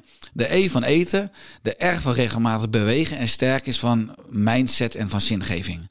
En al die vier pijlers zitten iedere dag al in mijn agenda ingepland. Dus, dus, dus een, een massage, ja, daar heb ik geen tijd voor. Ik plan het gewoon onderweg. Van 9 tot 10 lig ik gewoon in Beverwijk, hier een, een, eh, een stad zeg maar, naast Heemskerk, heb ik gewoon een uh, ontspanningsmassage. En nu staat het dan in uw agenda, afspraakje met de bijnier?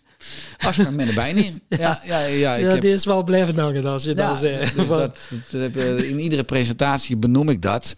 Kijk, ik zei net al, het universum kent geen leegte. En de meeste mensen, als ik hun agenda pak, dan zie je allemaal inspanningsactiviteiten, allemaal sympathicusactiviteiten, allemaal activiteiten die energie kosten. En als ik ga kijken, oké, waar staan dan ook de activiteiten die energie geven, die opladen, die de parasympathicus aanzetten. Mensen gaan pas ontspannen als er leegte in hun agenda is. Maar er is nooit leegte, want die moet je zelf dus proactief inplannen. Dus ik eh, draai mijn agenda altijd om. Ik plan eerst mijn vakanties, mijn weekenden, mijn vrije avonden, mijn saunadagen, mijn massages, mijn, sociale activiteiten met vrienden. Dat zijn de stenen in mijn agenda. En als de dijk open gaat, de rest loopt vanzelf vol met water. En er is voldoende werk. Eh, maar ik, ik, plan, ik, ik plan vooral mijn ontspanning in. Ja, Ja. ik word het vragen van wat is dan de rode draad, maar ik hoor dus echt die, eh, die ontspanning eerst inplannen. Dus je bijna hier op de eerste plek zetten. Ja. En dan pas kijken van welke gaatjes zijn er nog over voor, eh, voor werk. Ja, maar ik ben wel nu dus sinds de laatste zomervakantie ook overgegaan naar een zes uur werkdag. En voorheen? Ja, gewoon, nou ja, gewoon acht uur. Maar ik dacht van ja, waarom leven we met z'n allen zo'n acht uur werkdag? Dat komt nog een beetje uit het fabriekstijdperk, door we gewoon acht uur met onze handen iets moesten produceren. Maar als ondernemer ben je eigen slaaf. Dus ook wel een beetje grap als je, als je ondernemer spreekt van... Want iedereen eh, zegt, hoe is het druk? Ja, eigenlijk als je druk hebt, dan ben je gewoon een sukkel. Want dan ben je niet in staat om de juiste prioriteiten te stellen in tijdsmanagement. En ik was ook vaak druk. Ik denk, ja, Richard, je bent ook een sukkel. Je bent je eigen slaaf. Dus ik wil minder en beter. Dus ik zeg steeds meer nee. Bijna altijd nee en soms ja. En ik wil gewoon met de dingen die ik doe, wil ik heel goed eh, doen en impact maken. Dus ik, mijn werkdag begint eigenlijk pas om tien uur s morgens. En daarvoor heb ik gewoon tijd voor zelfzorg. En om kwart over negen neem ik een bakje met mijn vrouw. En kunnen we filosoferen over het leven. Want er is, kijk, eh, je bedrijf en je werk is een middel voor een hoger doel, voor een bezield leven. En heel veel ondernemers is hun werk is een, het, middel geworden. En ook een beetje het doel geworden. Hè? Dus als je doet voor een hoog salaris. En ze leveren hun tijd, hun aandacht continu in voor een salaris. Nou, dat is het verkeerde middel en het doel. En dat is ook als je 100 uur in de week werkt. Heb ik ook gedaan om iets op te bouwen. Prima, 1, 2, 3 jaar. Maar op een gegeven moment moet je natuurlijk ja, eh, een bezield leven, of tenminste jouw passie of wat je doel ook is, hebben als doel en je bedrijf als middel. Maar de meeste mensen zijn geen ondernemers. Eh, de meeste mensen hebben een, eh, een baas. Ja. Eh, net als je hondje. maar die, ja, die, moeten, die worden gewoon geacht om 40 uur per week te werken. Hoe zorg je er dan voor dat je dan toch je agenda zelf ja, in control neemt en ja, voldoende ontspanning inplant? Wat voor tips kun je aan die mensen meegeven? Ja, kijk, het is al heel interessant als je natuurlijk gaat kijken ook naar gezondheid, hoe het samenhangt met alle domeinen, ook het financiële do- domein. Ga natuurlijk buiten je, sal je salaris of een deel van je salaris, wat mij betreft, ook bijvoorbeeld beleggen. Maar ik ben ook een groot voorstander, zeker nu het opnemen, begin oktober in crypto. Hè, want nu gaat de, de, de bitcoin, gaat, nou, denk, ik denk het niet, maar ik weet bijna zeker, eind oktober, november, december gewoon weer, eh, weer echt enorm pieken. Dus ik heb ook echt gewoon goed geld in, in, in crypto. Eh, beleggen. Over het zie je op de bank levert geen geld op. Dus ook al zou je iedere maand 200 euro opzij leggen, moet je kijken over 18 jaar exponentieel wat je dan hebt. Eh, maar als je het hebt over de, juiste leefstijl, als je gewoon iedere dag op een kantoor zit. Ja, ik heb bijvoorbeeld, mijn bureau eh, heeft geen stoel. Ik heb een sta-bureau. En ook al het personeel staat ongeveer vier uur per dag. De printer staat heel ver. De waterkoker staat heel ver. Het koffiezetapparaat staat heel ver. Dat zijn allemaal grapjes waardoor je vaak moet lopen. Nou, als we overleg hebben, dan doen we het vaak staand. Of zo wandelend gaan we er met z'n allen op uit. Dus het is ook wel natuurlijk afhankelijk van de mogelijkheden of de, wat je werkgever faciliteert. Eh, ga kijken in ieder geval dat je niet te lang stil zit, zeg ik dus. Zorg ook voor microbreaks. Zorg na iedere nou, 90 mi- mi- minuten dat je gewoon eventjes een kopje thee gaat drinken. Want eh, je brein kan gewoon niet uren pieken als je continu zeg maar, achter dat scherm blijft zitten. Zorg voor een gezonde lunch. Hè, dat kan je over het algemeen meenemen. Of neem op de kantine gewoon ja, wat meer de saladebar of een verse soep of een omelet. In plaats van nou, die heerlijke broodjes kroket. Maar ook eh, ja, in je werkomgeving kan je zo over het algemeen zorgen dat de balans sterk genoeg is om in ieder geval eh, ook te floreren. En niet negatief te moeten overleven. En dat is heel mooi. Maar wanneer is het goed genoeg? Wanneer is het voor jou goed genoeg? Ik, eh, dat is wel een dingetje waar ik wel mee kamp. Het is precies allemaal zo vanzelfsprekend. En wanneer heb ik voldoening van iets, vind ik een hele moeilijke. eh, voor mezelf uitmaken van wanneer is het nu goed genoeg? Hoe heb, je, heb jij er ook mee geworsteld? Of was dat voor u heel eh, duidelijk van in het begin? Nou, kijk, als kind zijnde had ik natuurlijk net bijna als, als ieder kind de overtuiging dat ik niet goed genoeg was. Dus daar heb ik de overtuiging heb ik hem gevormd van ik weet niet genoeg, niet voldoende. Dus ik heb belachelijk veel opleiding gedaan. En dat is uiteindelijk ook mijn kracht geworden, omdat ik nu enorm veel weet en al tien boeken heb geschreven. En heel- niet opgevallen. Ja. Nee, nee. nee, ik probeer daar enorm zuinig mee te zijn. Ja, met mijn wijsheden delen. Eh, dus, dus, maar, maar goed genoeg. In mijn optiek is het geheim van het leven dus een goede dag hebben. En als je een doel hebt van een dag en je dag afsluit en terugkijkt en dankbaar bent, eigenlijk zou je iedere avond dat dankbaarheidsgevoel moeten hebben. Ook al zou je vannacht dan overlijden, dan is het, dan is het goed geweest. Dus dan is het ook goed genoeg geweest. Want perfect bestaat niet, hè? imperfect, perfect, maar voldoende. Ik denk dat ik iedere dag over het algemeen een goede dag heb. En als je er kijkt, het leven, zeker als je gezond bent, dan heb je de illusie van dat je onsterfelijk bent. Terwijl, wat zou, dat ook een vraag wat ik aan wat zou je doen als je nog maar 24 uur zou leven? En komt dat overeen met je agenda vandaag of aankomende week, aankomende maand? Mensen strooien met een tijd en een aandacht. Ze zijn hartstikke eh, dus, dus, dus niet zuinig met de essentie. Maar als je nog maar 24 uur zou hebben, zou je alleen maar afspreken met mensen waar je energie van krijgt. Of datgene nog zeggen wat je wil zeggen. Je zou misschien eigenlijk je droom gaan leven en ontslag nemen. Want je, je, eigen bedrijf beginnen, wat dan ook. Want je kan toch niet meer falen. Je hebt nog maar een dag. Dus het is wel een enorm goede vraag. Maar goed genoeg. Ja, over het algemeen eh, is, heb ik aan het einde van iedere dag het gevoel van, nou, dat is weer de, de dag is goed genoeg geweest. En, eh, en eh, ja, dus ook het leven is goed genoeg geweest als ik mijn, mijn ogen vannacht zou sluiten. Antwoord. Ja. Je had het net over, ehm, eh, over, je, over Vitaly, eh, over die suppletie, over vitamine. Wil ik graag nog heel even kort op terugkomen. Want kun je ook een teveel binnenkrijgen aan vitamine? Want als je zegt van ik, drink, ik eet 500 gram groente, eh, ik, ik volg eh, het, eh, het- ik heb mijn eigen persoonlijk leefstijlplan gemaakt. Eh, ik heb een gezonde leefstijl, ik eet gezond. Moet ik dan toch nog die, die vitamine binnennemen en heb ik er dan niet te veel? Want ik heb ook wel ergens gelezen dat je ook alweer uh, de bepaalde vitamines, zoals bijvoorbeeld B12, dat het voor, voor oversterft kan zorgen. Of dat je, ja. Hoe kijk jij daar tegenaan? Ja, de B-vitamines zitten er helemaal niet in. Die zijn natuurlijk ook wateroplosbaar. Dus als je een gemiddelde multi neemt, zie je ook dat twee, drie uur daarna, als je gaat plassen, dat je urine oranje is. Hè, doordat je de B-vitamines uitplast. Kijk, alle officiële instanties zijn bang voor overdoseringen. En daarom falen ze in advies en daarom loopt iedereen rond met onderdoseringen de inhoudstoffen van Faetedi, die zeven die ik net noemde, is eigenlijk onmogelijk in de concentraties waar ze in zitten om over te doseren. Uh, ja, of je moet zo'n maanddoos in één keer opsnoepen. Maar dan nog, snap je, dus uh, kom je misschien niet echt in de acute problemen. Maar met de doseringen in Vitelli en de actieve vormen is, is compleet veilig in de, in de, in de, in de range uh, vanaf zeg maar, het perspectief dat als je 50 kilo plus bent of vanaf 18 jaar, maar eigenlijk is 18 jaar nog wat minder belangrijk natuurlijk dan hoeveel je weegt. Er zijn ook gewoon tieners van 15, 16 die het nemen en die zich er prima bij voelen en juist veel beter. Dus vanaf 50 kilo is het gewoon uh, heel veilig in te nemen en is de kans op overdosering echt niet heel. En dan denk ik bijvoorbeeld, oké, vanaf 50 kilo en iemand die dan 100 kilo weegt, je logisch brein zou zeggen, ja, die moet dan twee dosissen nemen. Of is dat... Uh... Nee, dat, dat niet per se. Want als je gewoon bijvoorbeeld uh, 75 uh, microgram vitamine D3 neemt, wat 3000 internationale eenheden is, dat is voldoende voor je immuunsysteem. Als je het hebt over magnesium, ja, 300 milligram.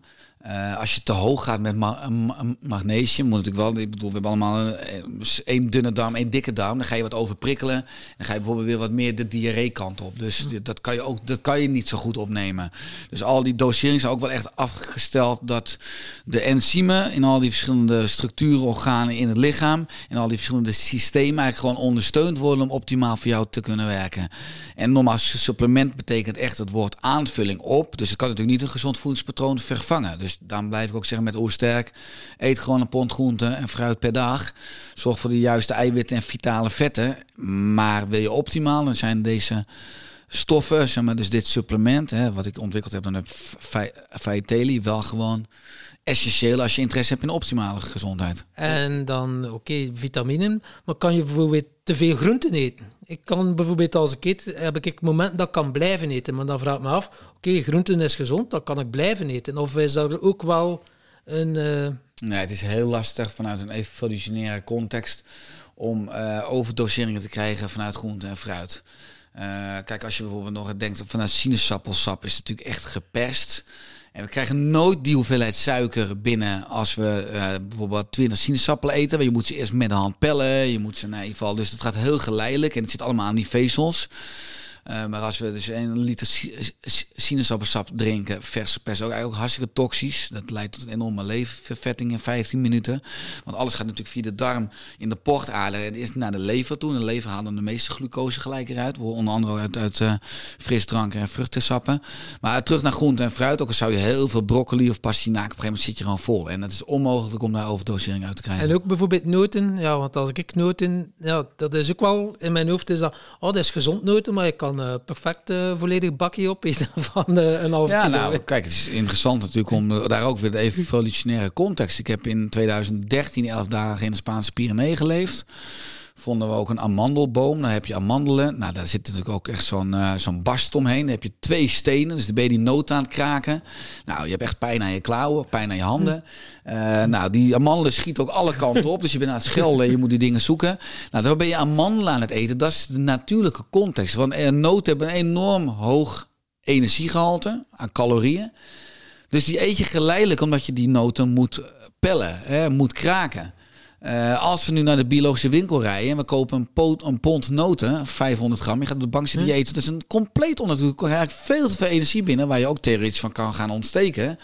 Dus, maar dat kon evolutionair nooit. Je kon die pond groente niet eten. Dus als je zegt een pond broccoli in één keer eten of pastinaak, ja dat kan, want dat kan in de natuur ook. Maar een pond noten was onmogelijk om in een half uurtje te eten. Dat red je gewoon niet als je, als je dat allemaal moet kraken met, met stenen en... Dus ik heb in de Pyreneeën toen wel ervaren, terwijl ik pijn aan mijn handen had en ongeveer 28 van die dingen op had, dacht ik, ja, ik ben er klaar mee, ik stop weer. Want, maar ik was wel al een uur, uh, een uur bezig. Dat is de natuurlijke context. En dus ook noten en zaden die we gewoon in de biologische wereld kunnen kopen, een halve kilo of een kilo, en dat snel eten, is eigenlijk ook onnatuurlijk vanuit die context. Dus eet één of twee handjes, hoog calorisch is dat, maar stop dan wel. Want eigenlijk is het anders dus ook niet zo, zo ge- gezond voor je. En ik denk vanuit die evolutionaire context die ik nu schets, dat het voor de luisteraar ook heel erg logisch is. En, en- natuurlijk, je groeit aan een boom. Nou, je moet ze plukken, maar je moet ze er zit een barst omheen, joh. Krijg die maar eens open. Ja, litertje kokosmelk. Hier heb je een kokosnoot. Veel plezier ermee. Ja, of ga gewoon noten kopen dus met, eh, met een bas. En ko- koop zo'n notenkraker. Dat deden we vroeger ook altijd op de bank. Hadden we zo'n Ja. krant. Nou, op een gegeven moment ga je dat ding ook doorgeven. Je hebt pijn aan je handen. En je hebt wat nootjes op. En, die, en, die, en je knijpt te hard. Dus die noten stuk. Je moet al die stukjes eruit halen. Nou, zo ben je lekker. Dat is de oorspronkelijke context. Ja, Ja, ja de walnoten. We hebben thuis walnotenbomen. Eh, het is wel een uitdaging, ja. Ja, Om een eh, kilo noten te hebben, dan, dat, eh, dan ben je een eindje aan het dat is kraken. handwerk. Ja. En dat is dus ook weer geniaal gelijk. Want je bent dus je spieren aan het gebruiken. En je spieren maken anti-ontstekingsstofjes. Daarna ga je die noten eten. Maar je gaat dus, ik zei, eten is ontsteken. Maar eten is niet ontsteken als je daarvoor bewogen hebt. En dat is de na- natuurlijke context. Als de oermens trek had, moest hij eerst gaan bewegen. Hij moest die pastinaak uitgraven. Die bessen plukken in de boom. Die noten kraken. Dus energie verbruiken. De spieren maken anti-ontstekingsstofjes aan. Dan ging je eten. En dan krijg je niets van. Omdat je al bewogen had. Maar de moderne mens zit en gaat eten. En daarom is eten ontsteken. Dus eigenlijk, als ik het, eh, de lijn dan doortrek, is het wel heel gezond om nuchter te sporten dan. Ja. Ja, en dat is dan geen ontsteekmoment. Gezondheid. Nou ja, ik word er emotioneel van. Nee, dat klopt. Dus, dus eten na stilzitten is een ontstekingsmoment. Maar een eetmoment na bewogen te hebben, vooral nuchter, is een anti-ontstekingsmoment. En dat is zo hangen alles met elkaar samen, die natuurlijke context. Maar dat is weer dan bijna een stukje wijsheid als je dingen gaat combineren. En wij leven allemaal vanuit wetenschappelijke publicaties, eilandjes, informatie, kennis, eh, calorieën, eh, bewegen, sporten. Maar we, we snappen de context niet meer. En er is een radicaal gebrek maatschappelijk aan holistische ja, wijsheidsexperts. Eh, en ook in officiële instanties af, afgelopen jaar ook, die met betrekking tot immuunsysteem versterkende principes of adviezen ook gewoon snappen hoe eh, het hele leven met elkaar samenhangt. We hebben elkaar nodig. We zijn knuffeldieren, we horen elkaar aan te raken, oxytocine. Als we in de groep zijn, is het immuunsysteem te- tegen virussen heel sterk omdat virussen zich alleen maar ver- verspreiden via mensen in de groep. Nou, we moeten allemaal in lockdown. Moesten we, misschien straks wel weer, kan je niet uitsluiten. Allemaal terugtrekken, alleen. Terwijl als je alleen bent, is er meer kans op wonden en op bacteriën. En gaat het immuunsysteem, deel tegen virussen, wordt enorm verzwakt. Terwijl dus, dus als je eh, lockdown hebt en je teru- terugtrekt, ook sociaal, ben je veel minder goed beschermd tegen virussen. Nou, wat gaan we doen na lockdown? Mogen we met z'n allen weer in de maatschappij gaan we elkaar ontmoeten? Ja, dan zie je een radicale toename van besmettingen, omdat het deel van tegen virussen radicaal verzwakt is. Nou, dat, dat snapt niemand. Terwijl het hartstikke logisch is. Eh, misschien wijs is. Alleen we zijn die wijsheid verloren. Ja, en dan, het resultaat is dat eh, veel mensen chronisch ziek zijn, eh chronisch pijn hebben, chronische ontstekingen hebben.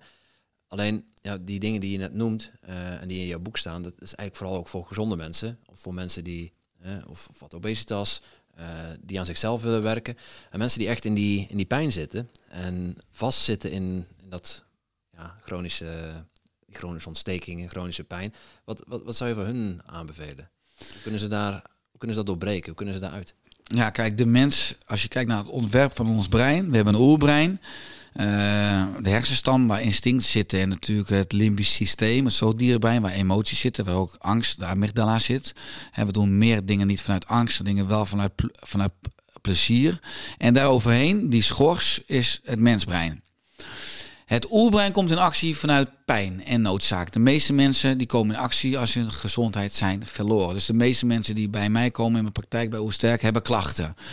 Een klein deel komt in actie vanuit het mensbrein, vanuit het verlangen. Ik voel me gezond, ik voel me vitaal, ik voel me kip lekker. Maar ik wil dat zo blijft. Ik wil dat ik gezond en gelukkig oud word. Heb je tips? Of kan ik proactief, eh, preventief in mezelf investeren? Dat is het kleinste deel, 5%. 95% heeft dus klachten, aandoeningen, ziekten. Ja, en dan kan je heel goed leefstijl als medicijn toepassen. Dus al die interventies die ik nu ook noem. eh, nou ja, nuchter bewegen. Pas later eten. Minder vaak eten. Meer groente eten. koud douchen, krachttraining, cardio, meditatie, visualisatie, die juiste mensengroep opzoeken, sociaal waar je energie van krijgt. Stoppen met acht uur journaal kijken. Stoppen met dingen dus die je angst of negativiteit. Het zeven uur journaal. Stop ook, hou ook eens een sociale detox. Ga nou eens kijken in je omgeving wie geeft energie en wie, uh, wie kost energie. En neem eens afscheid bijvoorbeeld van je schoonmoeder, hè, want die krijg je er gratis bij. Je familie ook, die krijg je, kijk, je vrienden zoek je uit, familie krijg je gratis, maar kunnen wel parasieten zijn, ze kunnen wel energie kosten. Nou, dan moet je er ook keuzes op maken. Misschien impopulair, maar uiteindelijk is het hele leven energiemanagement. Maar die mensen die dus bij me komen, uh, antwoord op je vraag, die klachten hebben of chronisch ontstoken zijn, ja, je merkt gewoon dat als die, die, uh, ja, die antifragiele leefstijlinterventies gaan toepassen die je op onze website leest en alle gratis blogs en al mijn boeken en al mijn magazines, ja, dat ze binnen drie maanden radicaal positief effect hebben. Omdat alle cellen in ons lichaam worden ongeveer in honderd dagen vernieuwd. Dus ja, normaal over 100 dagen, als ik weer met jullie zou zitten, dan lijkt alsof hetzelfde lichaam op de stoel zit, maar dat is weer compleet vernieuwd. Je hebt weer een nieuwe huls.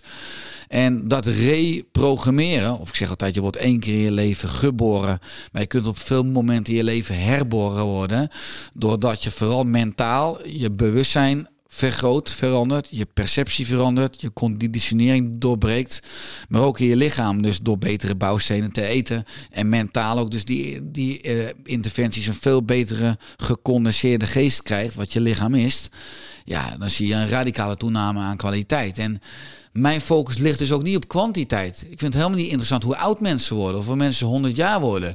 Ik vind het interessant of mensen in die evolutionaire flits dat ze op deze aarde aanwezig mogen zijn, uiting geven aan hun levensdoel, aan hun blauwdruk, waarom ze hier op aarde zijn, aan hun uniekheid. En dat ze iedere dag kwaliteit van leven, energie ervaren om uiteindelijk datgene te doen waar ze gelukkig van worden. En waar ze ook daardoor gezond van blijven en worden. Ja, gun het iedereen. Klinkt, ja. Klinkt ook mooi zoals je het verwoordt. Um, als je kijkt uh, naar alles wat je doet, klinkt vrij rooskleurig jouw leven op dit moment. Maar zijn er ook dingen waar je, waar je nog mee worstelt op dit moment? Ja, maar dat, alles is natuurlijk rooskleurig. Hè, want ook ieder nadeel uh, heeft een voordeel. En dan kom je weer uit bij liefde. Uh, het gaat heel goed in mijn leven. ik heb nog wel een soort rijangst op de snelweg. Dus daar ben ik nu ook weer mee aan het werk. Ik ben weer meer op. Ik heb, een, ik heb twee jaar echt vermeden om op de snelweg te, rijden. Nou, ik ben me nu weer aan het onderdompelen. Dus ik heb daar ook wel uh, uh, begeleiding voor. Want ik heb een heel team om mij heen ook, hè, ook, ook qua, qua mentaal. Uh, dus ik ben weer op de snelweg aan het rijden, wat ik echt spannend vind. Maar ik, ik, wil, ik wil dat toch weer openbreken en ook op dat gebied vrijer worden. Uh, ja, maar toch, kijk, ik krijg heel veel complimenten. En, maar ik krijg ook heel veel kritiek. Of heel veel, nou ja, nou, nog eens haatmail. Maar ja, ik ben bijvoorbeeld afgelopen maand weer in nationale media geweest. Er kijken een miljoen mensen. Ja, je kan je voorstellen, er zijn er ook 10.000 mensen die vinden hem een enorme klootzak. Of een enorme kwakzalver. Of een enorme... Ja, dat krijg ik ook allemaal um, over me heen. Maar ook die reacties op Twitter. Hè, laat hem de pokken krijgen. Hij moet aan de hoogste boom opgehangen worden. Ik vind het inmiddels wel humor. Ik kan het, ik kan het heel goed lezen en ik kan er hard om lachen. Omdat ik mezelf wel enorm ontwikkeld heb al 15 jaar. Dat heel weinig meer met mij resoneert. Maar als er wel wat resoneert, als ik op iets aanga dan denk ik, hé mooi, dan is, dan is diegene dus weer een leraar. Dan denk ik, hé hey, vrek, er zit iets in mij wat meetrilt. Daar is nog iets wat geheeld kan worden. Wat, uh, waardoor ik weer completer word. Dus dat is eigenlijk allemaal persoonlijke ontwikkeling. Maar voor jullie zit wel een enorm gebalanceerd mens. Omdat ik al 15 jaar iedere dag uh, leef wat ik propageer. Uh, continu een team om mij heen heb. Wat ik zei vanmorgen, een ontspanningsmassage, maar een osteopaat, een acupuncturist. Ook mentale mensen, emotionele mensen die mij, want ik, normaal is het leven is een levenslang groeiproces. Uh, maar ik ben altijd al enorm flexibel geweest. En ik ben bijna nooit boos. Echt niet. Ik, misschien één keer per twee jaar. Uh, uh, dan is er blijkbaar echt wat goeds aan de hand. En berg je dan. En dan word ik niet fysiek ben heel wel goed om me verbaal te uiten. Maar ik, ik, ik, ik zie gewoon hoe. Ja, dus laat ik anders misschien. Ik, ik geloof echt in het goede van de mens. En in de liefde. En in dat het uh, uiteindelijk allemaal goed komt. Allemaal een doel dient. En ook dus voor een groot deel wat interessant is. Uh, je buitenwereld is een projectie van je binnenwereld. Dus alles wat ik in mijn buitenwereld zie, daarmee heb ik ook al een paar jaar een sport van, van gemaakt. Dan denk ik, oké, wat is er dan? Wat, hoe creëer ik dat in mijn binnenwereld? En, want binnen jezelf zit altijd de oplossing. En zo leef ik al jaren. Dus, dus ik heb afgelopen jaren, en dan bedoel ik echt, kijk, mensen zien niet de jaren in 2007 tot 2011. Toen was ik echt uh, een onzeker, angstig. Uh, slaapproblemen, altijd moe, uh, nou, tegen bijna soms een depressieve aan. Ja, ik heb, ik heb jarenlang ben ik in therapie geweest, van psychologen tot kinesiologen tot mediums, tot ik heb, ik heb, ik heb, ik heb in een soort bus ben ik overal langs geweest, maar daar hebben we wel nu voor gezorgd dat ik enorm gebalanceerd ben. Uh, ja, en, en, dat... waar, en waar lag dat? Want je, je studeerde dan wel voor geneeskunde. Ja. En... Ja, maar ik was diep ongelukkig. Ja, ook de artsenkamer is een egelbolwerk. Ik ben een mensenmens, daarom was ik arts geworden. Als arts heb je acht minuten. Uh, ik had in mijn reguliere opleiding al heel veel interesse in uh, transcendente dieptemeditatie, in Qigong, in Ayurveda, fytotherapie, planten, kruiden. Ik las al die boeken. Uh, en ik kwam natuurlijk wel achter in de reguliere geneeskunde dat ik alleen maar de symptomen behandelde en niet de oorzaak aanpakte. Nou, als je daar bewust van bent, dan zit je echt in, een, in die witte jas in een keurslijf. Ik, uh, het was een groot energielek uh, iedere werkdag. dus, dus ik voelde me toen ook echt, echt diep ongelukkig. En ja, mijn lichaam ging natuurlijk ook signalen geven. Dus ja, ik werd op een gegeven moment wel gedwongen door mijn lijf door, om gewoon om te gaan springen om de weg van mijn hart te gaan volgen. Ja. Maar ja, in die jaren, ook financieel, want ik heb, ja, uh, zeker ook nu zijn mensen steeds meer bezig met leefstijl, maar toen willen geen huisarts met me samenwerken. Zeker mensen in deze regio, die ja, waren nog niet echt bezig met voeding en leefstijl. Dus ik moest me 50 uur per week verhuren aan thuiszorginstellingen. Uh, ik had een praktijk, ik werd in 2010 vader, ik wilde het financieel dragen, ook om, maar dat kon niet. Dus in 2011 kwam ik echt in een soort spirituele crisis. De huisarts zijn burn-out. Denk ik niet, ik was er één, twee maanden weer uit. Maar omdat me verlangen toen groter werd dan mijn angst. Ik ben altijd een stotteraar geweest. Kan je die ook horen in de podcast, dat ik af en toe haper. Vroeger kon ik niet normaal een zin uitspreken. Dus ik had een enorme spreekangst. Dus ik durfde, en ik was echt een chameleon. Als ik in, bij mensen kwam en mensen vroegen mijn mening. Zeiden ze, Richard, wat vind jij nou? Zei ik altijd, ja, nou ja, vertel ik zo, maar wat vind jij? En dan dan zei ik, nou, dat vind ik ook. Want ik had, ik, had helemaal geen eigen mening. Dat was mijn overlevingsstrategie. Dat, dat iedereen me erkende, dat ik veilig, dat ik me veilig in de groep voelde. En op dat moment, in 2011, werd mijn verlangen groter dan mijn angst. Het ging zo knellen dat ik mijn eigen stem nooit durfde te laten horen. Want ik had een hele andere visie van het ziekenhuis, van de geneeskunde, van de leefstijlgeneeskunde.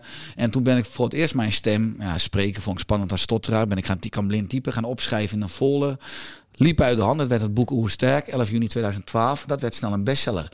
En dat is echt de doorbraak geweest. En uh, ja, vanaf toen ben ik me ook zelf ja, continu persoonlijk blijven ontwikkelen. Maar nee, ik heb een fantastisch goed leven. Ik heb een fantastisch gezin, een fantastische vrouw, twee fantastische zoons. Ik heb twee fantastische teams. Ik mag hier met 15 man hier werken op de basis.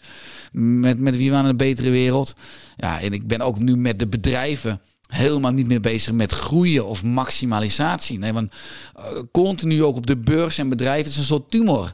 Maar de natuur is gewoon optimalisatie. Het staat goed, laten we kijken hoe we dit kunnen behouden. Hoe we nog meer balans kunnen krijgen en eigenlijk nog wat minder kunnen werken. Maar laten we dit ieder jaar zo proberen, oh, nou ook gewoon die omzet en winst te krijgen. En dan, dan is het toch prima.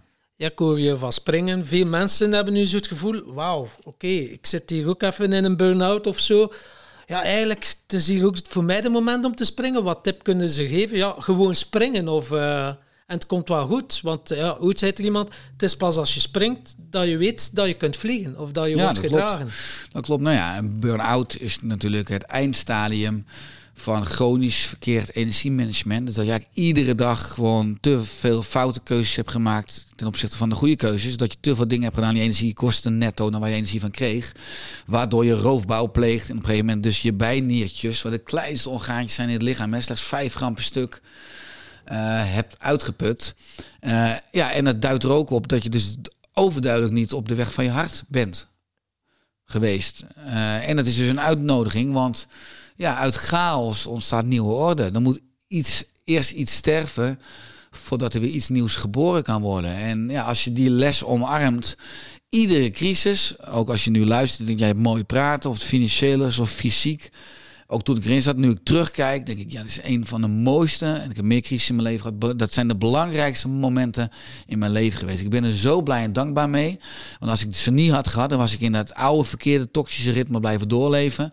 Terwijl iedere op burn-out gewoon een spiegel is. Maar er is iets in jouw leefpatroon uit balans. En waarschijnlijk ook in je denkpatroon, dus in je leefstijlpatroon. Maar ook misschien in je zijnstijlpatroon. Dus je ziel doe je wel waar je passie ligt. Nou, dat is om, want het grootste energielek is, niet, is ontrouw zijn aan jezelf. Is niet van jezelf houden.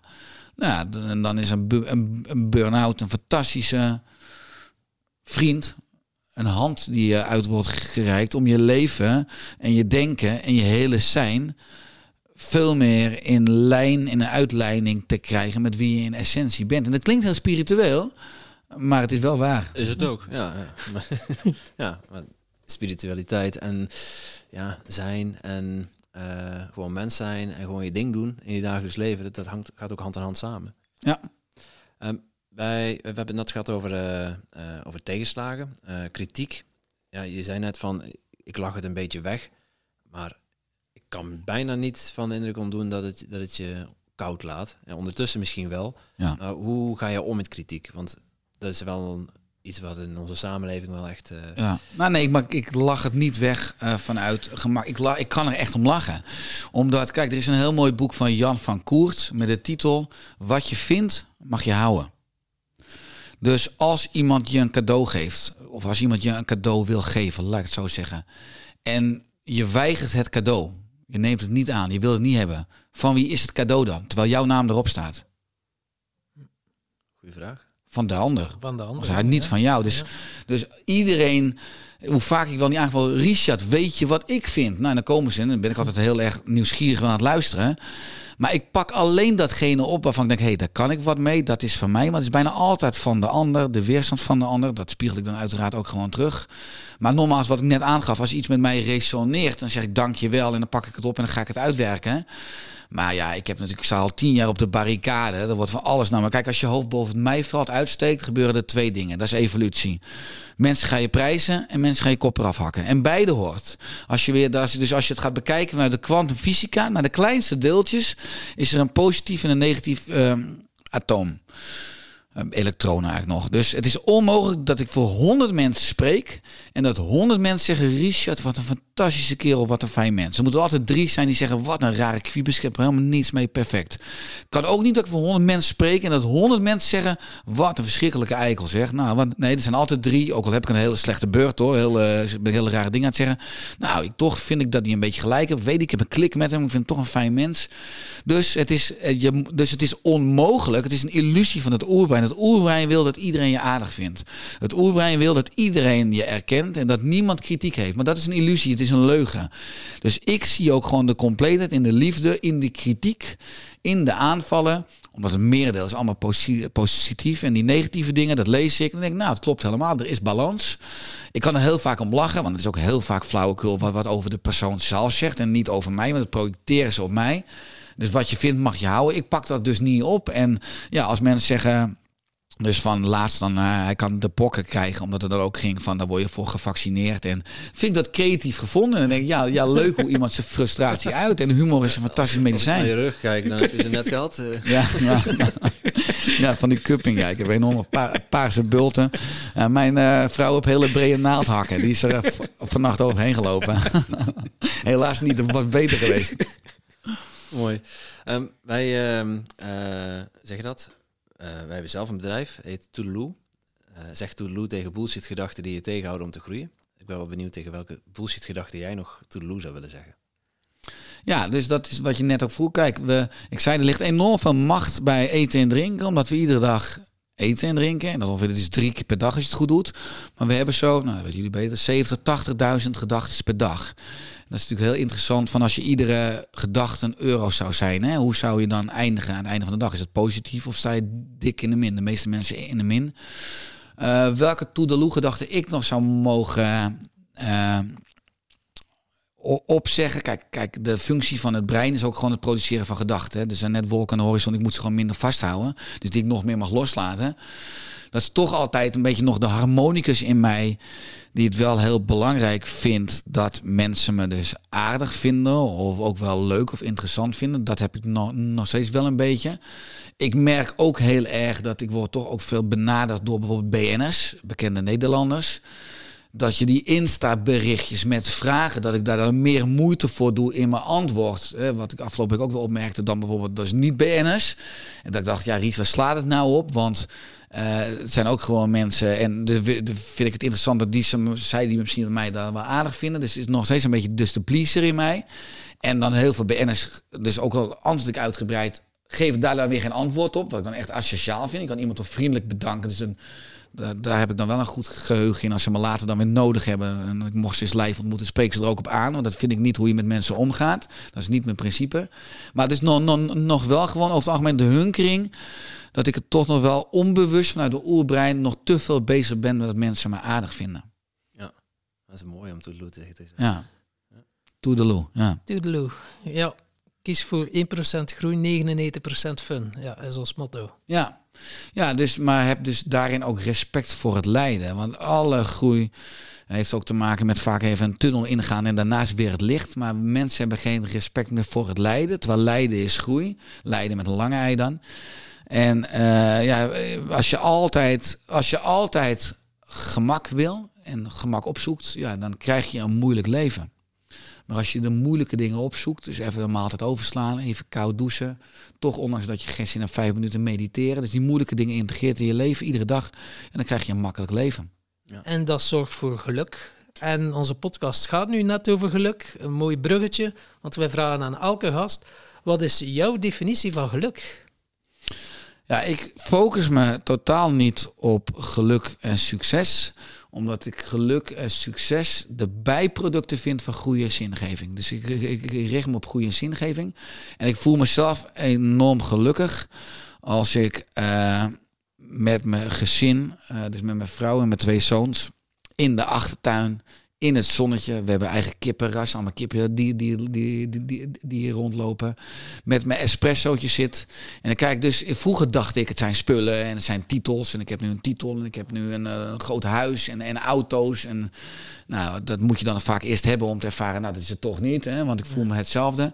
Maar het zit veel meer in verbinding in uh, relaties, in liefde, maar ook dus in impact. Ik voel me ook enorm gelukkig als ik me mijn bedrijf binnenlopen en die fantastische zielen, mijn, uh, mijn team zie met wie we samen aan iets bouwen.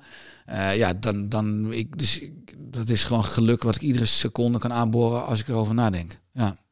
En dus in essentie, als ik hem dan doortrek, in het Westen zijn we heel erg geprogrammeerd. Je moet dingen doen om te mogen zijn. Mijn moeder zei vroeger, vroeger ook altijd, ik hou van je als ik thuis kwam met een rapport. Dus ik ging ook geloven dat ik moet dingen doen om te mogen zijn. Dat hebben heel veel mensen. En als die stilzitten en niets doen, dan, dan voelen ze onrust. Terwijl in het oosten natuurlijk, en dat is voor mij geluk, dat je gewoon in de essentie bent wie je bent en dat alles er al is, want alles zit in jou. En dat je vanuit die essentie dingen gaat doen. Alles begint met je zijn, helder hebben wie ben ik in essentie, wat wil ik, wat vind ik belangrijk, waarom ben ik hier. En vanuit daaruit dingen gaat doen. Maar dan hoef je niets te doen, want ook als je op je stoel zit, heb je gewoon rust, omdat alles er al is in je zijn. Maar je gaat dingen doen vanuit je verlangen, vanuit je mensbrein, omdat je impact wil maken in de wereld. Maar niet omdat je het moet doen om te mogen zijn. Nou, als je die al snapt en wat meer gaat integreren, ben je een gelukkig mens. Wel uh, een interessante genieten van het niks doen. Ja, ben ik nu ook momenteel aan het oefenen en ik moet eerlijk zeggen, fucking moeilijk. Als ik drie minuten of zo zit, dan heb ik al neiging, ah, een keer even op de telefoon. Welke tips kun je geven van hoe kan je nu genieten van niks doen? Ja, dat is heel veel mensen kunnen niet niets doen omdat ze dopamine verslaafd zijn maar vooral endorfine-resistent. Ongevoelig voor endorfine. Endorfine zorgt voor lang duurzaam geluk. Gewoon een uur in het gras kunnen liggen met een gasprietje in je mond en naar de zon kijken. Kunnen weinig mensen meer, omdat we door nou ja, uh, dopamineverslaving steeds wat eten. 120 keer per dag op je telefoon kijken. Nou ja, al die prikkels om ons heen. Gewoon endorfine ongevoelig zijn en dopamine verslaafd. De twee belangrijkste ingangen om weer endorfine gevoelig te worden, is dus het parasympathicus systeem is via oxytocine en endorfine. Maar dat is de natuur ingaan. Dus letterlijk de, een park, het bos ingaan. Want dan alleen al, nou, ook al het energetisch netwerk. Hè, want alles is verbonden. De planten, de struiken, de paddenstoelen. Maar die energie en vooral die etherische oliën. Die via je reukzenuw alweer in je oerbrein komen. Die hebben een positief effect op je cortisolgevoeligheid en je endorfinegevoeligheid. En sociale verbinding. Dus echt live met mensen af gaan spreken. Uh, nou, net zoals hier. Wij zitten zo anderhalf uur, twee uur te, te kletsen. Terwijl voor je gevoel is het, uh, is het uh, knippen je met je vinger. Ik heb geen enkele prikkel om het telefoon te pakken en even te kijken nou, of ik een appje heb gehad of op social. Dus sociale verbinding. Ga met mensen levelen afspreken met wie je een klik hebt. Dus niet mensen die energie roven, energie kosten, parasieten. En ga meer de natuur in. En begin klein, want je oerbrein gaat saboteren bij groot. Dus ga s morgens een minuutje mediteren. Of ga 10 seconden koud douchen. En die kleinste stap geeft het grootste effect. En zorgt op de lange termijn steeds beter voor dat je kan lummelen, zegt een Nederlands woord. Niet zo echt lummelen. Ja. ja. Maar lummelen in die stilte en in die leegte ontstaan altijd pas weer de nieuwe dingen. Ja, ik denk bij mij, doe die dingen wel regelmatig, maar ik wil het dan altijd zo groot maken en direct al dat effect hebben. Maar het is uiteindelijk de kracht van kleine stapjes uiteindelijk om... Uh... We weten het allemaal zo goed en ja. toch doen we het niet. Ja. Nee, maar uh, weten is niets waard uh, zonder toepassing. Dus het gaat echt om het doen. En ik denk dat we ook dus veel te veel aandacht hebben besteed de afgelopen jaren aan. Dus allemaal boeken, ook mijn boeken. Men, er zijn mensen die hebben allemaal een tien boeken. Ja, als je niet, niet leeft, heb je er geen zak aan. Die boeken zijn eigenlijk niets waard. Ook al leef je het al en heb je mijn boeken niet, dan ben je veel, veel vitaler en gelukkiger. Dus het gaat echt om het doen. En uh, if you don't do it, you don't know it. Je weet het pas als je het doet. Uh, anders is het iets uh, cognitiefs, intellectueels, maar echt fysiek meesterschap. Dat is echt het ultieme doel. Is als het echt doorleeft. Is als het in je genen zit qua epigenetica. Als het in je brein zit qua neuroplasticiteit. Gewoon omdat het dus geïntegreerd is in je gewoontes, in je routines, in je rituelen. Ja, en dan heb je gewoon veilige kaders voor geluk en gezondheid ook op lange, lange termijn. En je hebt iedere dag een goede dag. Mooi. En dan het geluk. Uh, succes, wat betekent dat voor jou? Succes. Ja, dan ben ik eigenlijk succes was voor mij gewoon een bestseller hebben. Uh, op nationale televisie komen.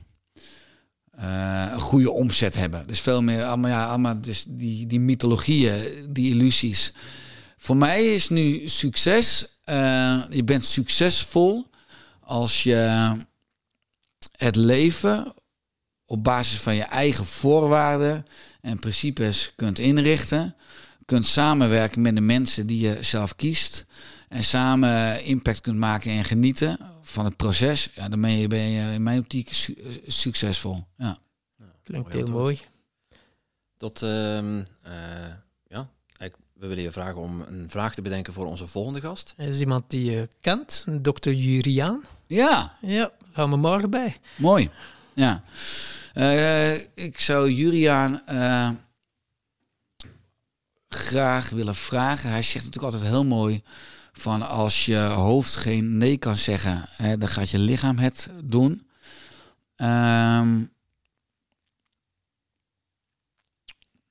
Ja, wat zou in zijn optiek nu voor de moderne mens, ook in deze nationale gezondheidscrisis, een goed advies zijn om iedere dag uh, mee te starten, zodat klachten verdwijnen of klachten niet nodig zijn. Hij heeft natuurlijk ook het boek van, van je klacht naar kans. Je klacht als, uh, als kans of van klacht naar kans. Dus uh, hoe kunnen mensen deze crisis ook misschien fysiek, mentaal gebruiken als kans? Okay. Dat is dan misschien de vraag ja, aan jullie. Deze crisis gebruiken fysiek, mentaal als kans. Ja. Ja. Uitdagende vraag weer. Ja. Interessant. Zijn er nog dingen waar we het niet over gehad hadden, maar die je wel graag nog kwijt wil? Ik verwacht helemaal niets. Is altijd leuk. Het ontstaat altijd. Het was, was een enorm leuke flow. Dank ervoor. Eh, nee, mochten mensen mij nog niet kennen en meer willen weten over Oersterk, kan het op oersterk.nu. Mochten mensen meer willen weten over de supplementen die ik aangaf, Vitali is het vitali.nl. En Vitali schrijf je V-I-T-A-I-L Griekse I. Van Vitality en Daily gecombineerd. Iedere dag Vitale Vitali. En verder uh, hoop ik vooral dat de luisteraar niet denkt, zo, dat waren twee inspirerende uurtjes en weer verder gaat met zijn leven en niets verandert. Maar ga iets veranderen als eerste stapje. En uh, gaat integreren, worden onbewust bekwaam in en uh, geniet van een radicale toename in levenskwaliteit. En van, de, van een beter leven. luister naar je vrouw af en toe misschien. Uh, ik vond het wel mooi, dat, je had al toegezegd van onze podcast. En we kregen een mailtje van je ik denk dat, dat je vrouw was die antwoordde. Van, nee, Richard heeft vakantie, hij kan niet. Maar je had al toegezegd op een ander kanaal. Maar uh, je werd even vakkundig teruggefloten. Ja, klopt. Ik heb een fantastisch team om me heen die ook mijn balans goed. Uh, nee, ik had uh, zomer, zomervakantie drie weken en dan werk ik nooit. Met jullie waren toen een week over, dus daar zal ik een uitzondering maken. Maar dat is eigenlijk het mooie van principes. Als je een principe hebt, dan is altijd duidelijk wat ja en nee is. Ik wou bijna gaan tornen met mijn principe. Dus het was heel fijn dat mijn vrouw ook zei van nee, dat, dat, dat, daar heb ze gelijk in. Dat is, het is een principe, dus dat moet je niet doen. Hè, het is zonde als je de hele wereld helpt en zelf ten onder gaat. Dus zorg eerst in de basis voor je eigen balans. Ja. Kijk, en, uh, en misschien voor, onze, weer terug. Ja. Ja. misschien voor onze luisteraars, voor een duwtje in de rug te geven, heb je misschien iets leuks, een cadeautje voor een van onze luisteraars om hen een duwtje in de rug te geven op het gebied van gezondheid. Zeker. Ik heb uh, dan mijn nieuwe boek Zielsgelukkig is gezond. Ik uh, stel graag één exemplaar ter beschikking voor. Ik weet niet of jullie dan met een prijs vragen of met iets doen. Uh, en dan zal ik hem persoonlijk ondertekenen. En dan komt die zijn of haar kant op. Super. Tof. En Fantastisch. Misschien een leuk e-book om, om weg te geven? Voor iedereen? We kunnen gewoon regelen dat jullie een e-book hebben. Tuurlijk, we hebben, we hebben enorm veel op de plank liggen van de afgelopen jaren. Dus we zorgen dat er uh, wat moois voor iedereen uh, beschikbaar is. Oké. Okay. Nou, Dan maak ik uh, een linkje aan www.timtompodcast.com slash oersterk. Ja. ja. En dan kunnen ze daar meedoen aan de, aan de prijsvraag om het boek te winnen. En kunnen ze het e-book downloaden. Leuk, goed plan. Ja, Oké, en wat moeten ze doen voor dat boek te winnen? Heb jij een leuke... Nou, misschien kunnen ze aangeven wat hun echt zielsgelukkig maakt. Ja. Dat we daar de mooiste of de leukste uh, ja. het boek van. Of misschien uh, juist wel degene die het ongelukkigste is het boek geven, want die hebben dan het meest nodig. Maar dat laat ik aan jullie. Oké. Mooi. Dankjewel, uh, Richard. Van harte bedanken, uh, Richard. Een tof gesprek. Dankjewel. Jullie ook wederzijds heel veel dank en alle goeds met jullie mooie podcast. Ja, dank je.